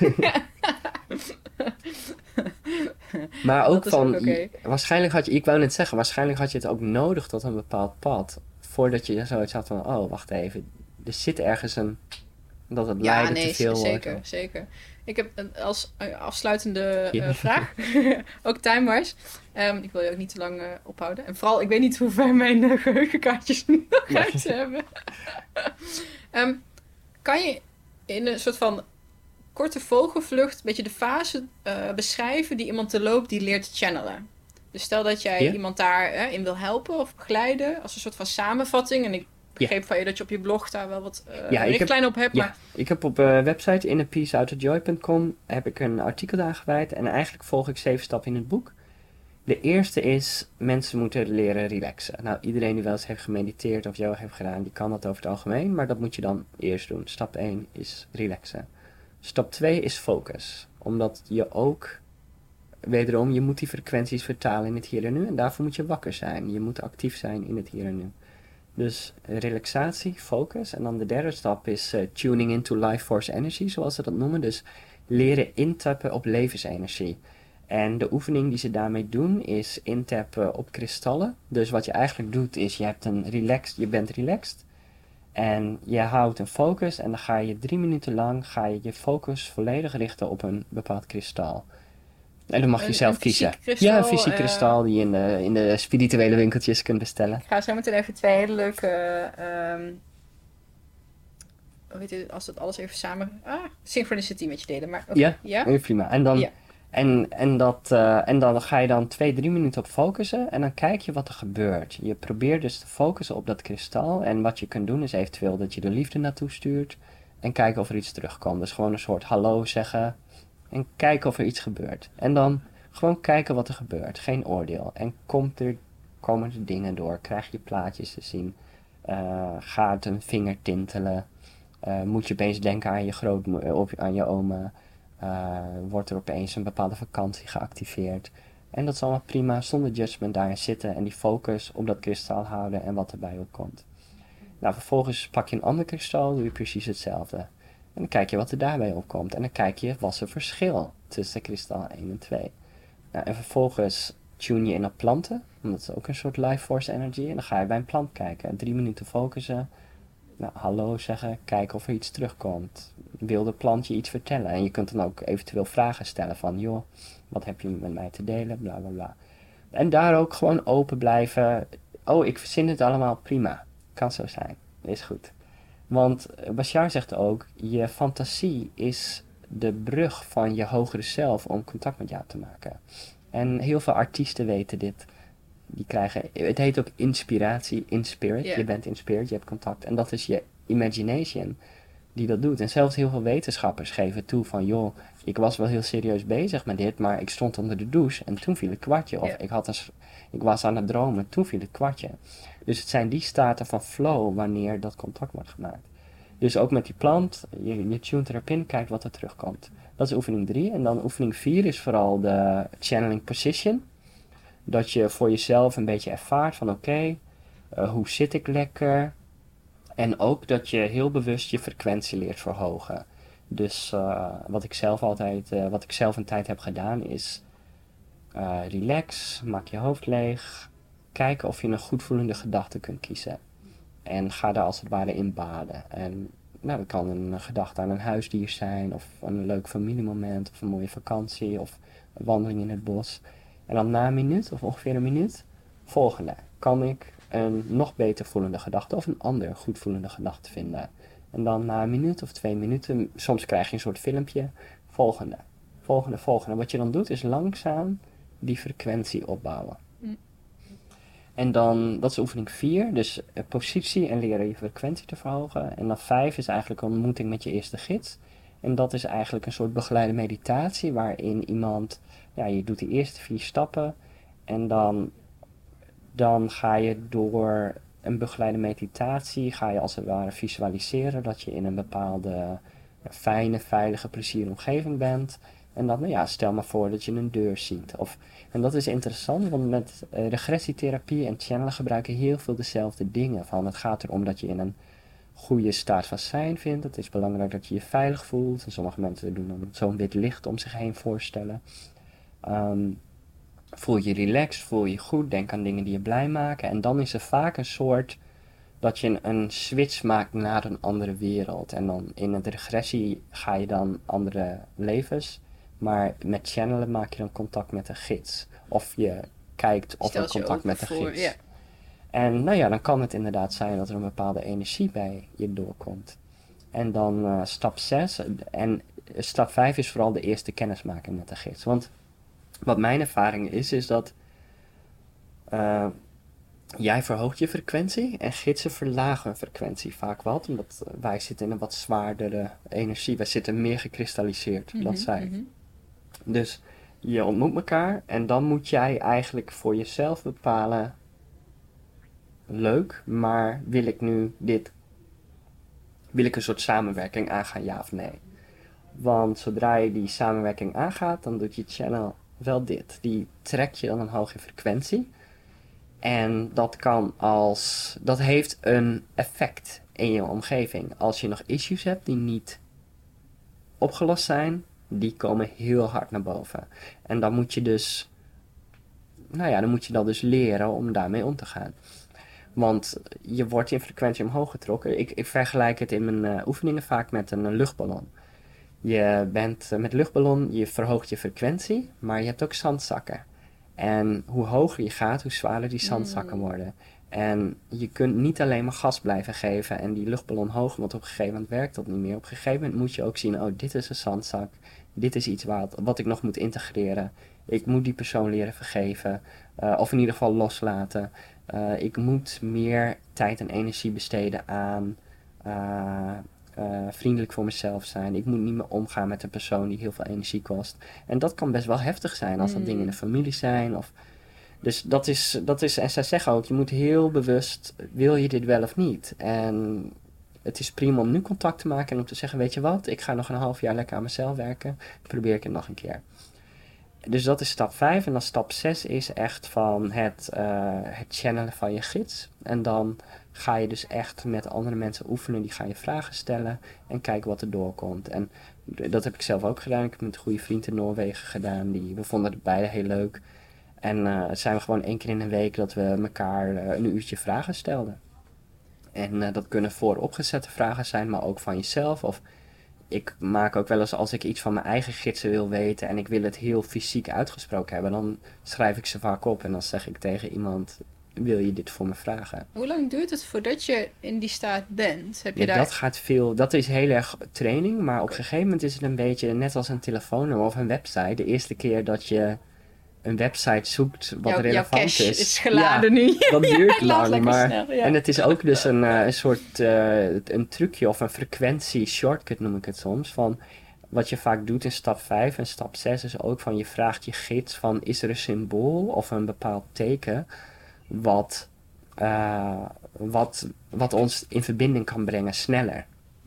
En eh, ik heb zelf met Arcturian Collective heb ik een bepaald symbool gekregen. Een sigil of een rune of... of Ja, een- zoiets. en dat kan heel verschillend zijn van persoon tot persoon. Maar ik heb daar zelf een, een ding voor gekregen. Dus ik focus daarop in. En dus ik kan over het algemeen binnen een minuut kan ik in die staat zijn. Als Ja, je hebt een soort van shortcut eh Ja. gecreëerd. Of, ik, ik, volgens mij moet ik dat boek gewoon ook even Ja. bestellen, lezen. Want dat...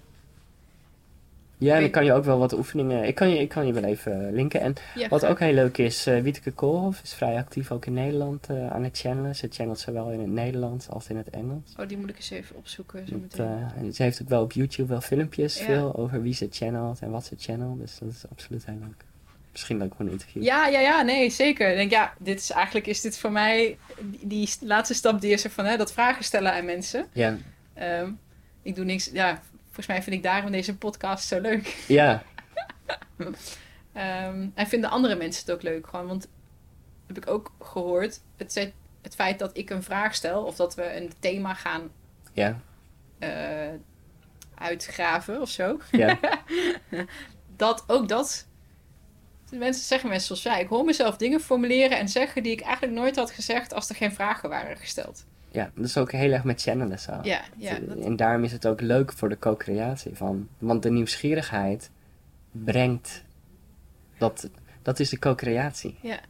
toen, dat- in- op het moment dat ik in dat bos zat en dat manifest heb geschreven, heb ik ook kort een, eh, een soort van rapid fire question met mezelf gedaan. Ik heb Ja. de antwoorden opgeschreven. Ik, kan er misschien nog wel een paar boven vergeten halen, maar ik vroeg hoe oud ik was. 342 of Ja, zo'n antwoord. Die had, nee, die had ik als laatste gedaan. Ik had, ik had allemaal vragen. Wat kom ik het doen? En wat is mijn purpose? En ga ik het wereldkampioenschap binnen? Weet je wel? ja, Nee, Oké. kan ik me het alles richten. Yes. Podcasten mensen. Ja. En gaat deze relatie nog wat worden? Wat toen echt totaal niet eh, leek alsof die persoon ook in mij geïnteresseerd was. Ja. Eh, toen dacht ik echt, nou, het gaat nooit wat worden. En het antwoord was ja. En dan, weet je, een jaar, anderhalf jaar later is het ook echt zo. Nou, fijn. Ja. Ik kreeg al die antwoorden en toen dacht ik, haha, ik ga een strikvraag tussendoor eh, eh, gooien. Wat is mijn Ja. favoriete eten? Pizza. maar dat is de snelheid van de antwoorden. Dus die heb ik niet bedacht. Nee. Op het laatst vroeg ik inderdaad, hoe oud ben ik? En toen was het inderdaad een, een in de honderdtaal, drie, vierhonderd. Ik weet dat ik toen wel zoiets had van...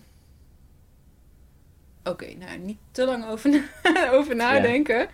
Maar dat, dat vragen stellen aan iets of iemand... Volgens mij is dat ook wat journaling voor ons doet. Gewoon Ja, het, het, het, Ja. of een vraag op papier. Ik was geïnterviewd en zei ik schrijf gewoon een vraag op en ik ga gewoon zonder eigenlijk echt bewust heel veel na te denken schrijven. Ja.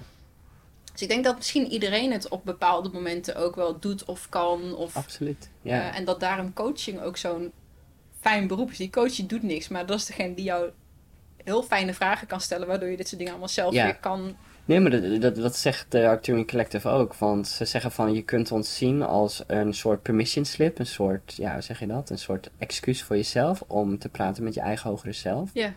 Maar ze zeggen uiteindelijk kan iedereen dit en iedereen heeft die connecties al. Maar het is meer van waar ben je in je bewustzijn dat je.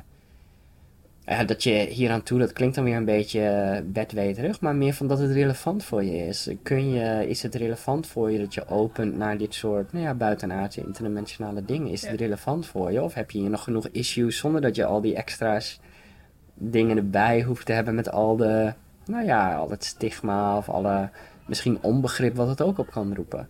Dus, eh, dus dat is ook heel erg daar. En daarom, daarom vind ik het zelf ook heel leuk van. Zij zeggen ook altijd: het meest belangrijke is dat mensen dus contact en meer bewust worden en meer, hoe noem je dat? Meer bewust contact met een eigen hogere zelf of met een innerlijke kind of beide. Hoe je het, die labeltjes die, die Hmm. verdelen juist altijd, maar het gaat meer dat je meer van jezelf wordt eigenlijk. En, Ja.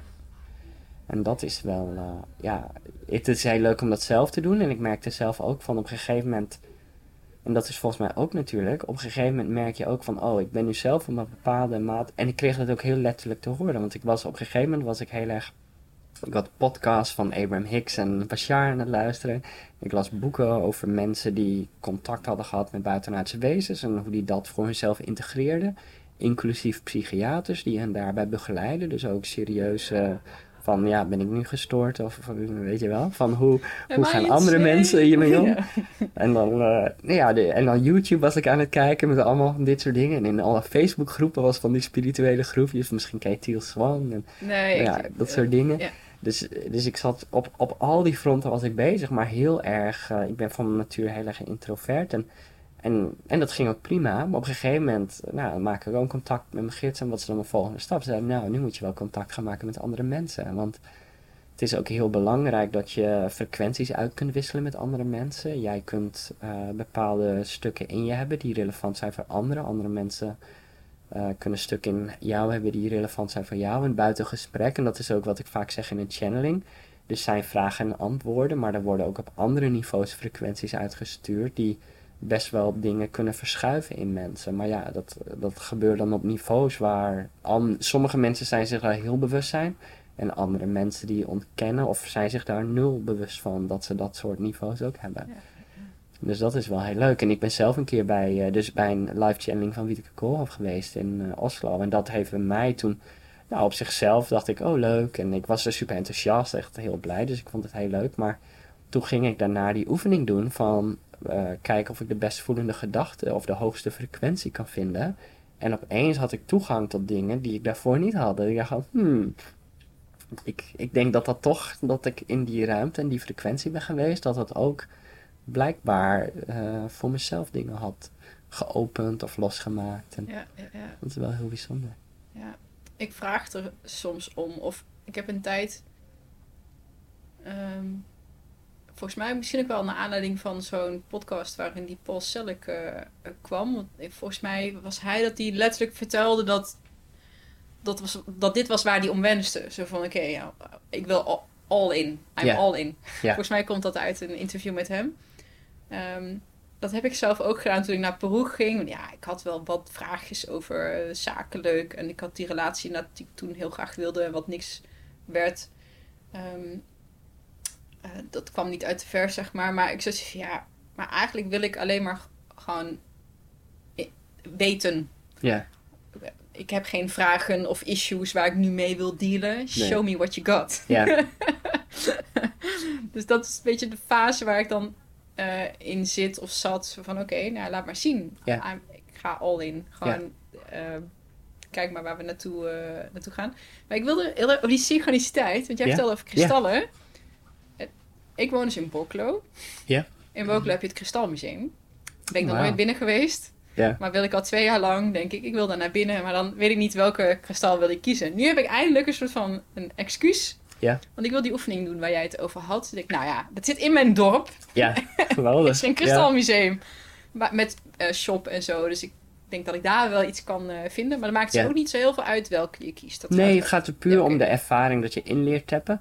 En wat ik zelf mensen, want ik, mensen die ik dan lesgeef, die stuur ik ook vaak naar een kristalwinkeltje in onze, ja, in Oslo, die ik, waar ik zelf, eh, die heel leuk zijn.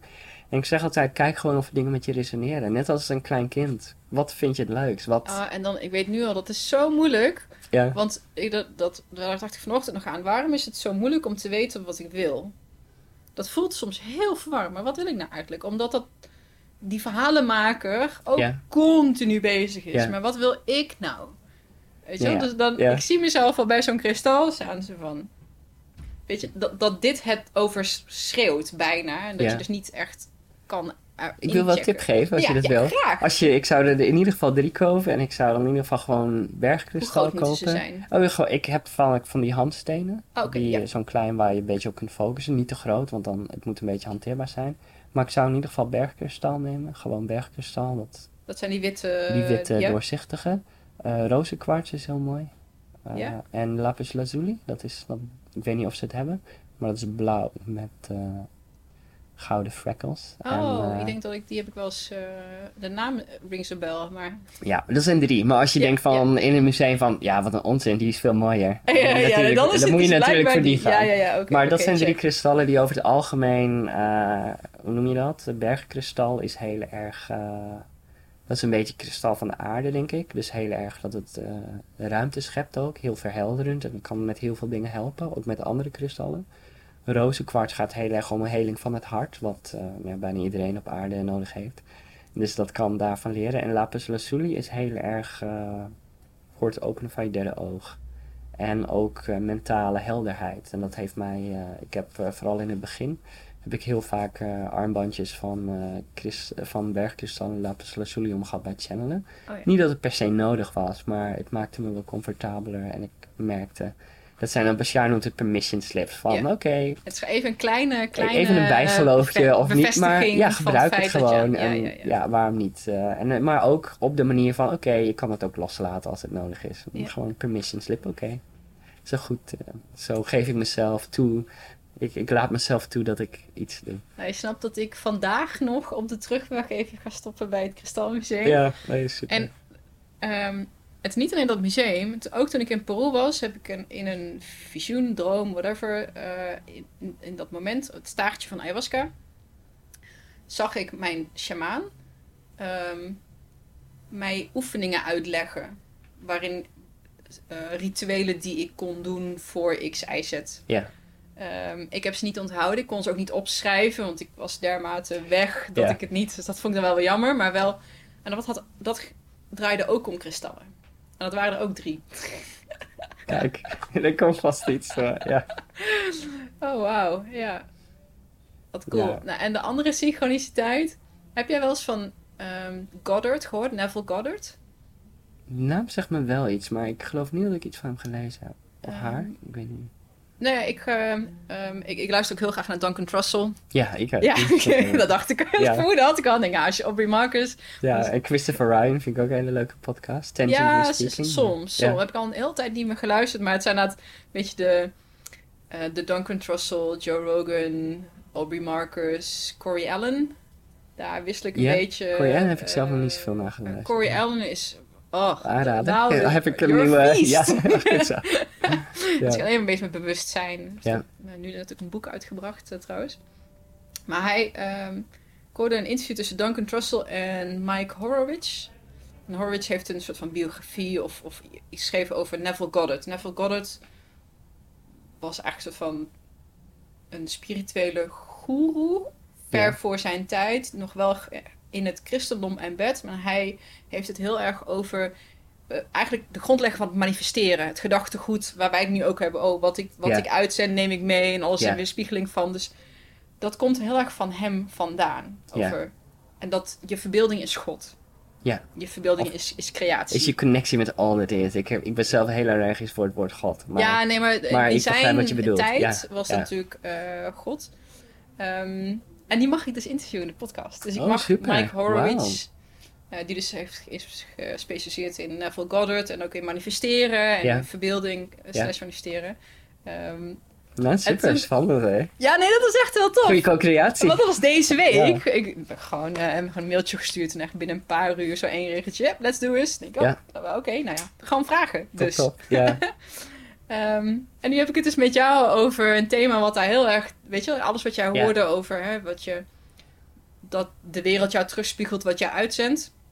Ik denk, oh, wat vet dat dat nu heel onverwachts in één keer nu ook dit thema is. ja. Ehm, ik heb laatst een eh, workshop gegeven, een seminar, over succesvol buiten de lijntjes of unfuckwittable zijn. En basically is dat de oefeningen die, die ik heb bedacht, die ik met mensen ga doen, Ja. om ze dat ze zelf inzien en zelf het kwartje valt, een aantal vragen die ik kan stellen.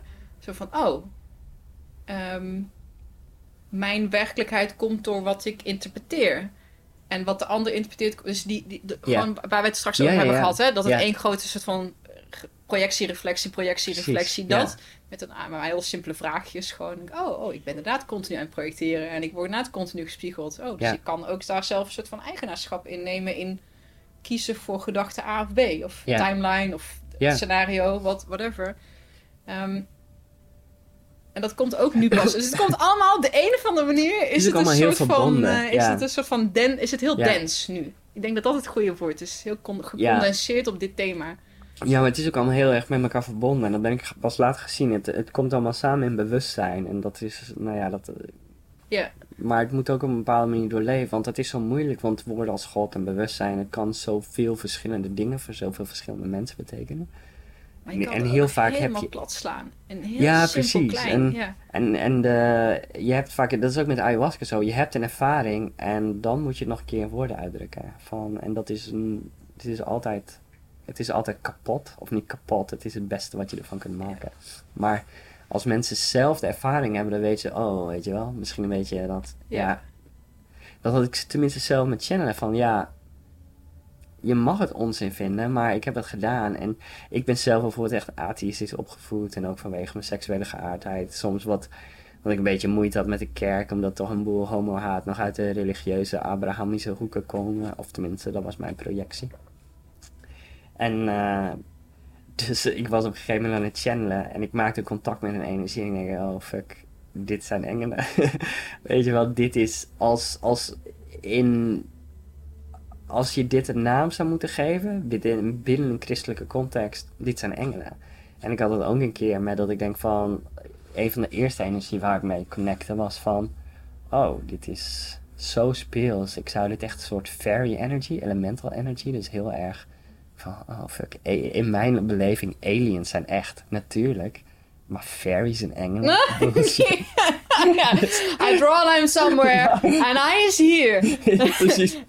En dat is dus ook, dat is ook heel grappig. Dat dus in dat openen, dan, dan word je dus ook, je eigen geloofssysteem worden ook gewoon omver geschopt als ze niet bruikbaar zijn. Van, nou, weet je wat, deze jongen die heeft helemaal geen, eh, hè, die gelooft hier niks van. Eens kijken wat hij met deze energie doet. Ehm, Oké, misschien is het engelen energie. Dus dat is wel echt heel grappig. Maar ook daar is het heel erg van, ja, hoe wil je het labelen, weet je wel? En Ja. dat is ook, eh, ja, En hoe serieus wil je het nemen? precies. Van, ik voel de onconditionele liefde. En dan denk je van, oh ja, ehm, als, ja, dit zou je Jezus kunnen noemen. Maar Ja. ja. of je zou het Boeddha kunnen noemen. Of je zou kunnen zeggen, oh, dit zit blijkbaar ook in mij. Of ik dit word is wakker. Boeddha en Jezus en alle andere grote verlichte wezens Ja, op ingetuned waren. Dat denk ik dus. precies. Van, En, oh ja, dus en het feit dat ik hier nu een verbinding mee maak, betekent dus ook dat dat ook in ieder geval een onderdeel van mij is. Ja, Anders had ik er niet de verbinding mee kunnen maken. Als ik het als reflectie krijg, dan moet ik het dus ook zijn op een bepaald niveau. ja. Oh, oh, oh ja. En dat is dus ook wel weer van, oh, oké. maar dat is, Alan Watts is daar heel goed in, hè. Die zegt van, oh, eh, if you say in the West you're God, or you're part of all that is. Daarom vind ik all that is heel fijn, omdat het Mm. gewoon een rationele term is. En het, het, je kunt er niet buiten vallen. Alles is onderdeel van alles dat is. Dus Ja. het is heel inclusief, inclusief jezelf. Dus je bent zelf altijd onderdeel van het grote geheel. Terwijl God heel vaak als een, dat kan niet als het buiten jezelf worden geplaatst. Ja, ja, ja. En, eh, maar Alan Watts zegt ook van, eh, van, ja, if in the West you say you're God or you met God, you are being locked up. If you say it in India, they say, oh, glad you finally find Ja. out. en, en dat is wel een beetje zo. Hoe zeg je dat? We hebben ook in, onze, in het boeddhisme noemt dat wel, noemen ze dat wel eens wel cultural ignorance. En dat is ook niet per se goed of slecht, maar we hebben ook binnen onze westerse maatschappij nog best wel een aantal gedachten en denkbeelden die best wel, ehm, nou ja, je zou het bijna bekrompen kunnen noemen. En soms ook best nog wel agressief tegen andere denkbeelden zijn. Best wel Mm. tribaal bijna zijn. Nog Ja. van, van dit is mijn geloof, zo zit de wereld in elkaar. En iedereen die daar wat anders van vindt, die is of gek of moet bestreden worden. Terwijl, ja, je kunt ook gewoon zeggen van, joh, hoe ben jij tot jouw visie gekomen? En, en dat is ook met channelen als je, of met regressietherapie. Ik merk als ik mensen, of met psychedelica, psychedelica is voor mij een perfect middel voor mensen die heel erg nog in dat, eh, ja, dat materialistische wereldbeeld zitten. Want ze nemen een plant in, dus het, ze nemen een soort extern iets in en dan verandert hun innerlijke staat van zijn en dan hebben ze daar een ervaring op. Maar als je één keer zo'n ervaring hebt gehad, ja, als iemand tegen jou zegt, ah, ayahuasca is onzin, je hebt het allemaal verbeeld. Je neemt zo'n persoon niet eens serieus. Nee, en dan denk ik, ik kan het ook zonder ayahuasca. Ik kan Ja, het met meditatie. Ik kan het met Precies. cannabis. Ik kan het eh, met een microdosis. Ja. Ehm, je komt daar gewoon heel snel. je kunt er gewoon met telkens in komen. Oh, ja. we zijn... We horen hiernaast, want naast ons zit eh, het speelveld. Ah, En daar yes. heb ik, als het goed is, in de introductie al iets over eh, Ja. genoemd. Ze zijn begonnen. Volgens mij eh, kunnen wij nog heel lang eh, Ja. eh, praten. Ik vond het echt fascinerend. Dankjewel dat we dit ook Ja, nog even hebben gelijk, op ja. kunnen nemen. Graag Ik- volgens mij, ik denk niet dat ze nog heel veel beeld... Nou, valt mee. nog beeld hebben. Nee, graag gedaan. Ook dankjewel voor je interesse. En Ja, zeker. Voor, eh, leuk dat je dit interessant vindt en dat je dat ook wil presenteren aan andere mensen. Oh, absoluut. Superleuk. Dat is echt... ehm, transformatie staat voor mij, als ik het woord uit één rafel... Trans, transcend, formation. Prachtig. Ja. overstijgen van je conditionering, maar ook ja, misschien wel het transcenderen van dat gekristalliseerde stukje bewustzijn. Ik weet niet. ja. Ehm, dus ik hoop dat ik in het rijtje met Corey Allen, Aubrey Marcus, ehm, Duncan Trussell, want wat ik zie wat zij doen, is met de gesprekken en de invalshoeken. En weet je, Ja. iedereen vindt wel ergens iets waar je op aan kan haken, maar het onderliggende thema gaat altijd wel over je wordt je bewust van iets. Ja. Dus je krijgt een kleine nudge. Gewoon, en je bent net, en net even een heel klein beetje anders. En dat is ook wat ik nu achteraf, terugkijkend, Ja. zie wat deze podcast voor mij heeft gedaan. En hopelijk ook voor de mensen die luisteren. Je, krijgt, je kan eventjes een nudge krijgen. Ja. je eventjes en that's it. Weet je wel? Het hoeft niet groter of... of want dan wordt het ook weer een ding aan zich. Kan je daarmee Ja. identificeren? Nee, gewoon een subtiele lijn eh, die er teweeg kan brengen. We gaan hem afsluiten. Dankjewel. ja, graag gedaan. Dat was het. Dankjewel voor je aandacht. Ik hoop dat je nog op deze planeet bent. nu je hier bent. Ik heb in ieder geval iets bedacht om jou weer terug te halen. En ik dacht, weet je wat? Dit is allemaal hele serieuze, abstract gepraat. Ik wil afsluiten met een knipoog. En even met iets totaal anders. Om het een beetje luchtig te houden.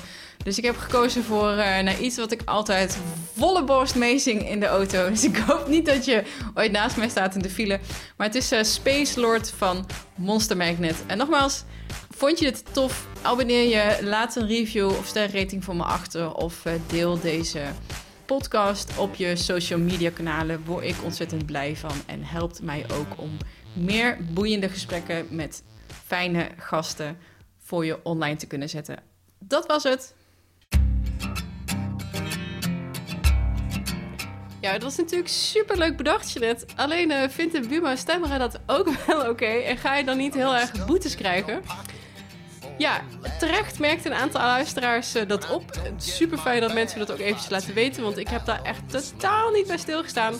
Dus helaas, uh, we eindigen niet met wat lekkere muziek, maar gewoon met ik die zegt: Ik hoop dat ik je volgende week weer zie.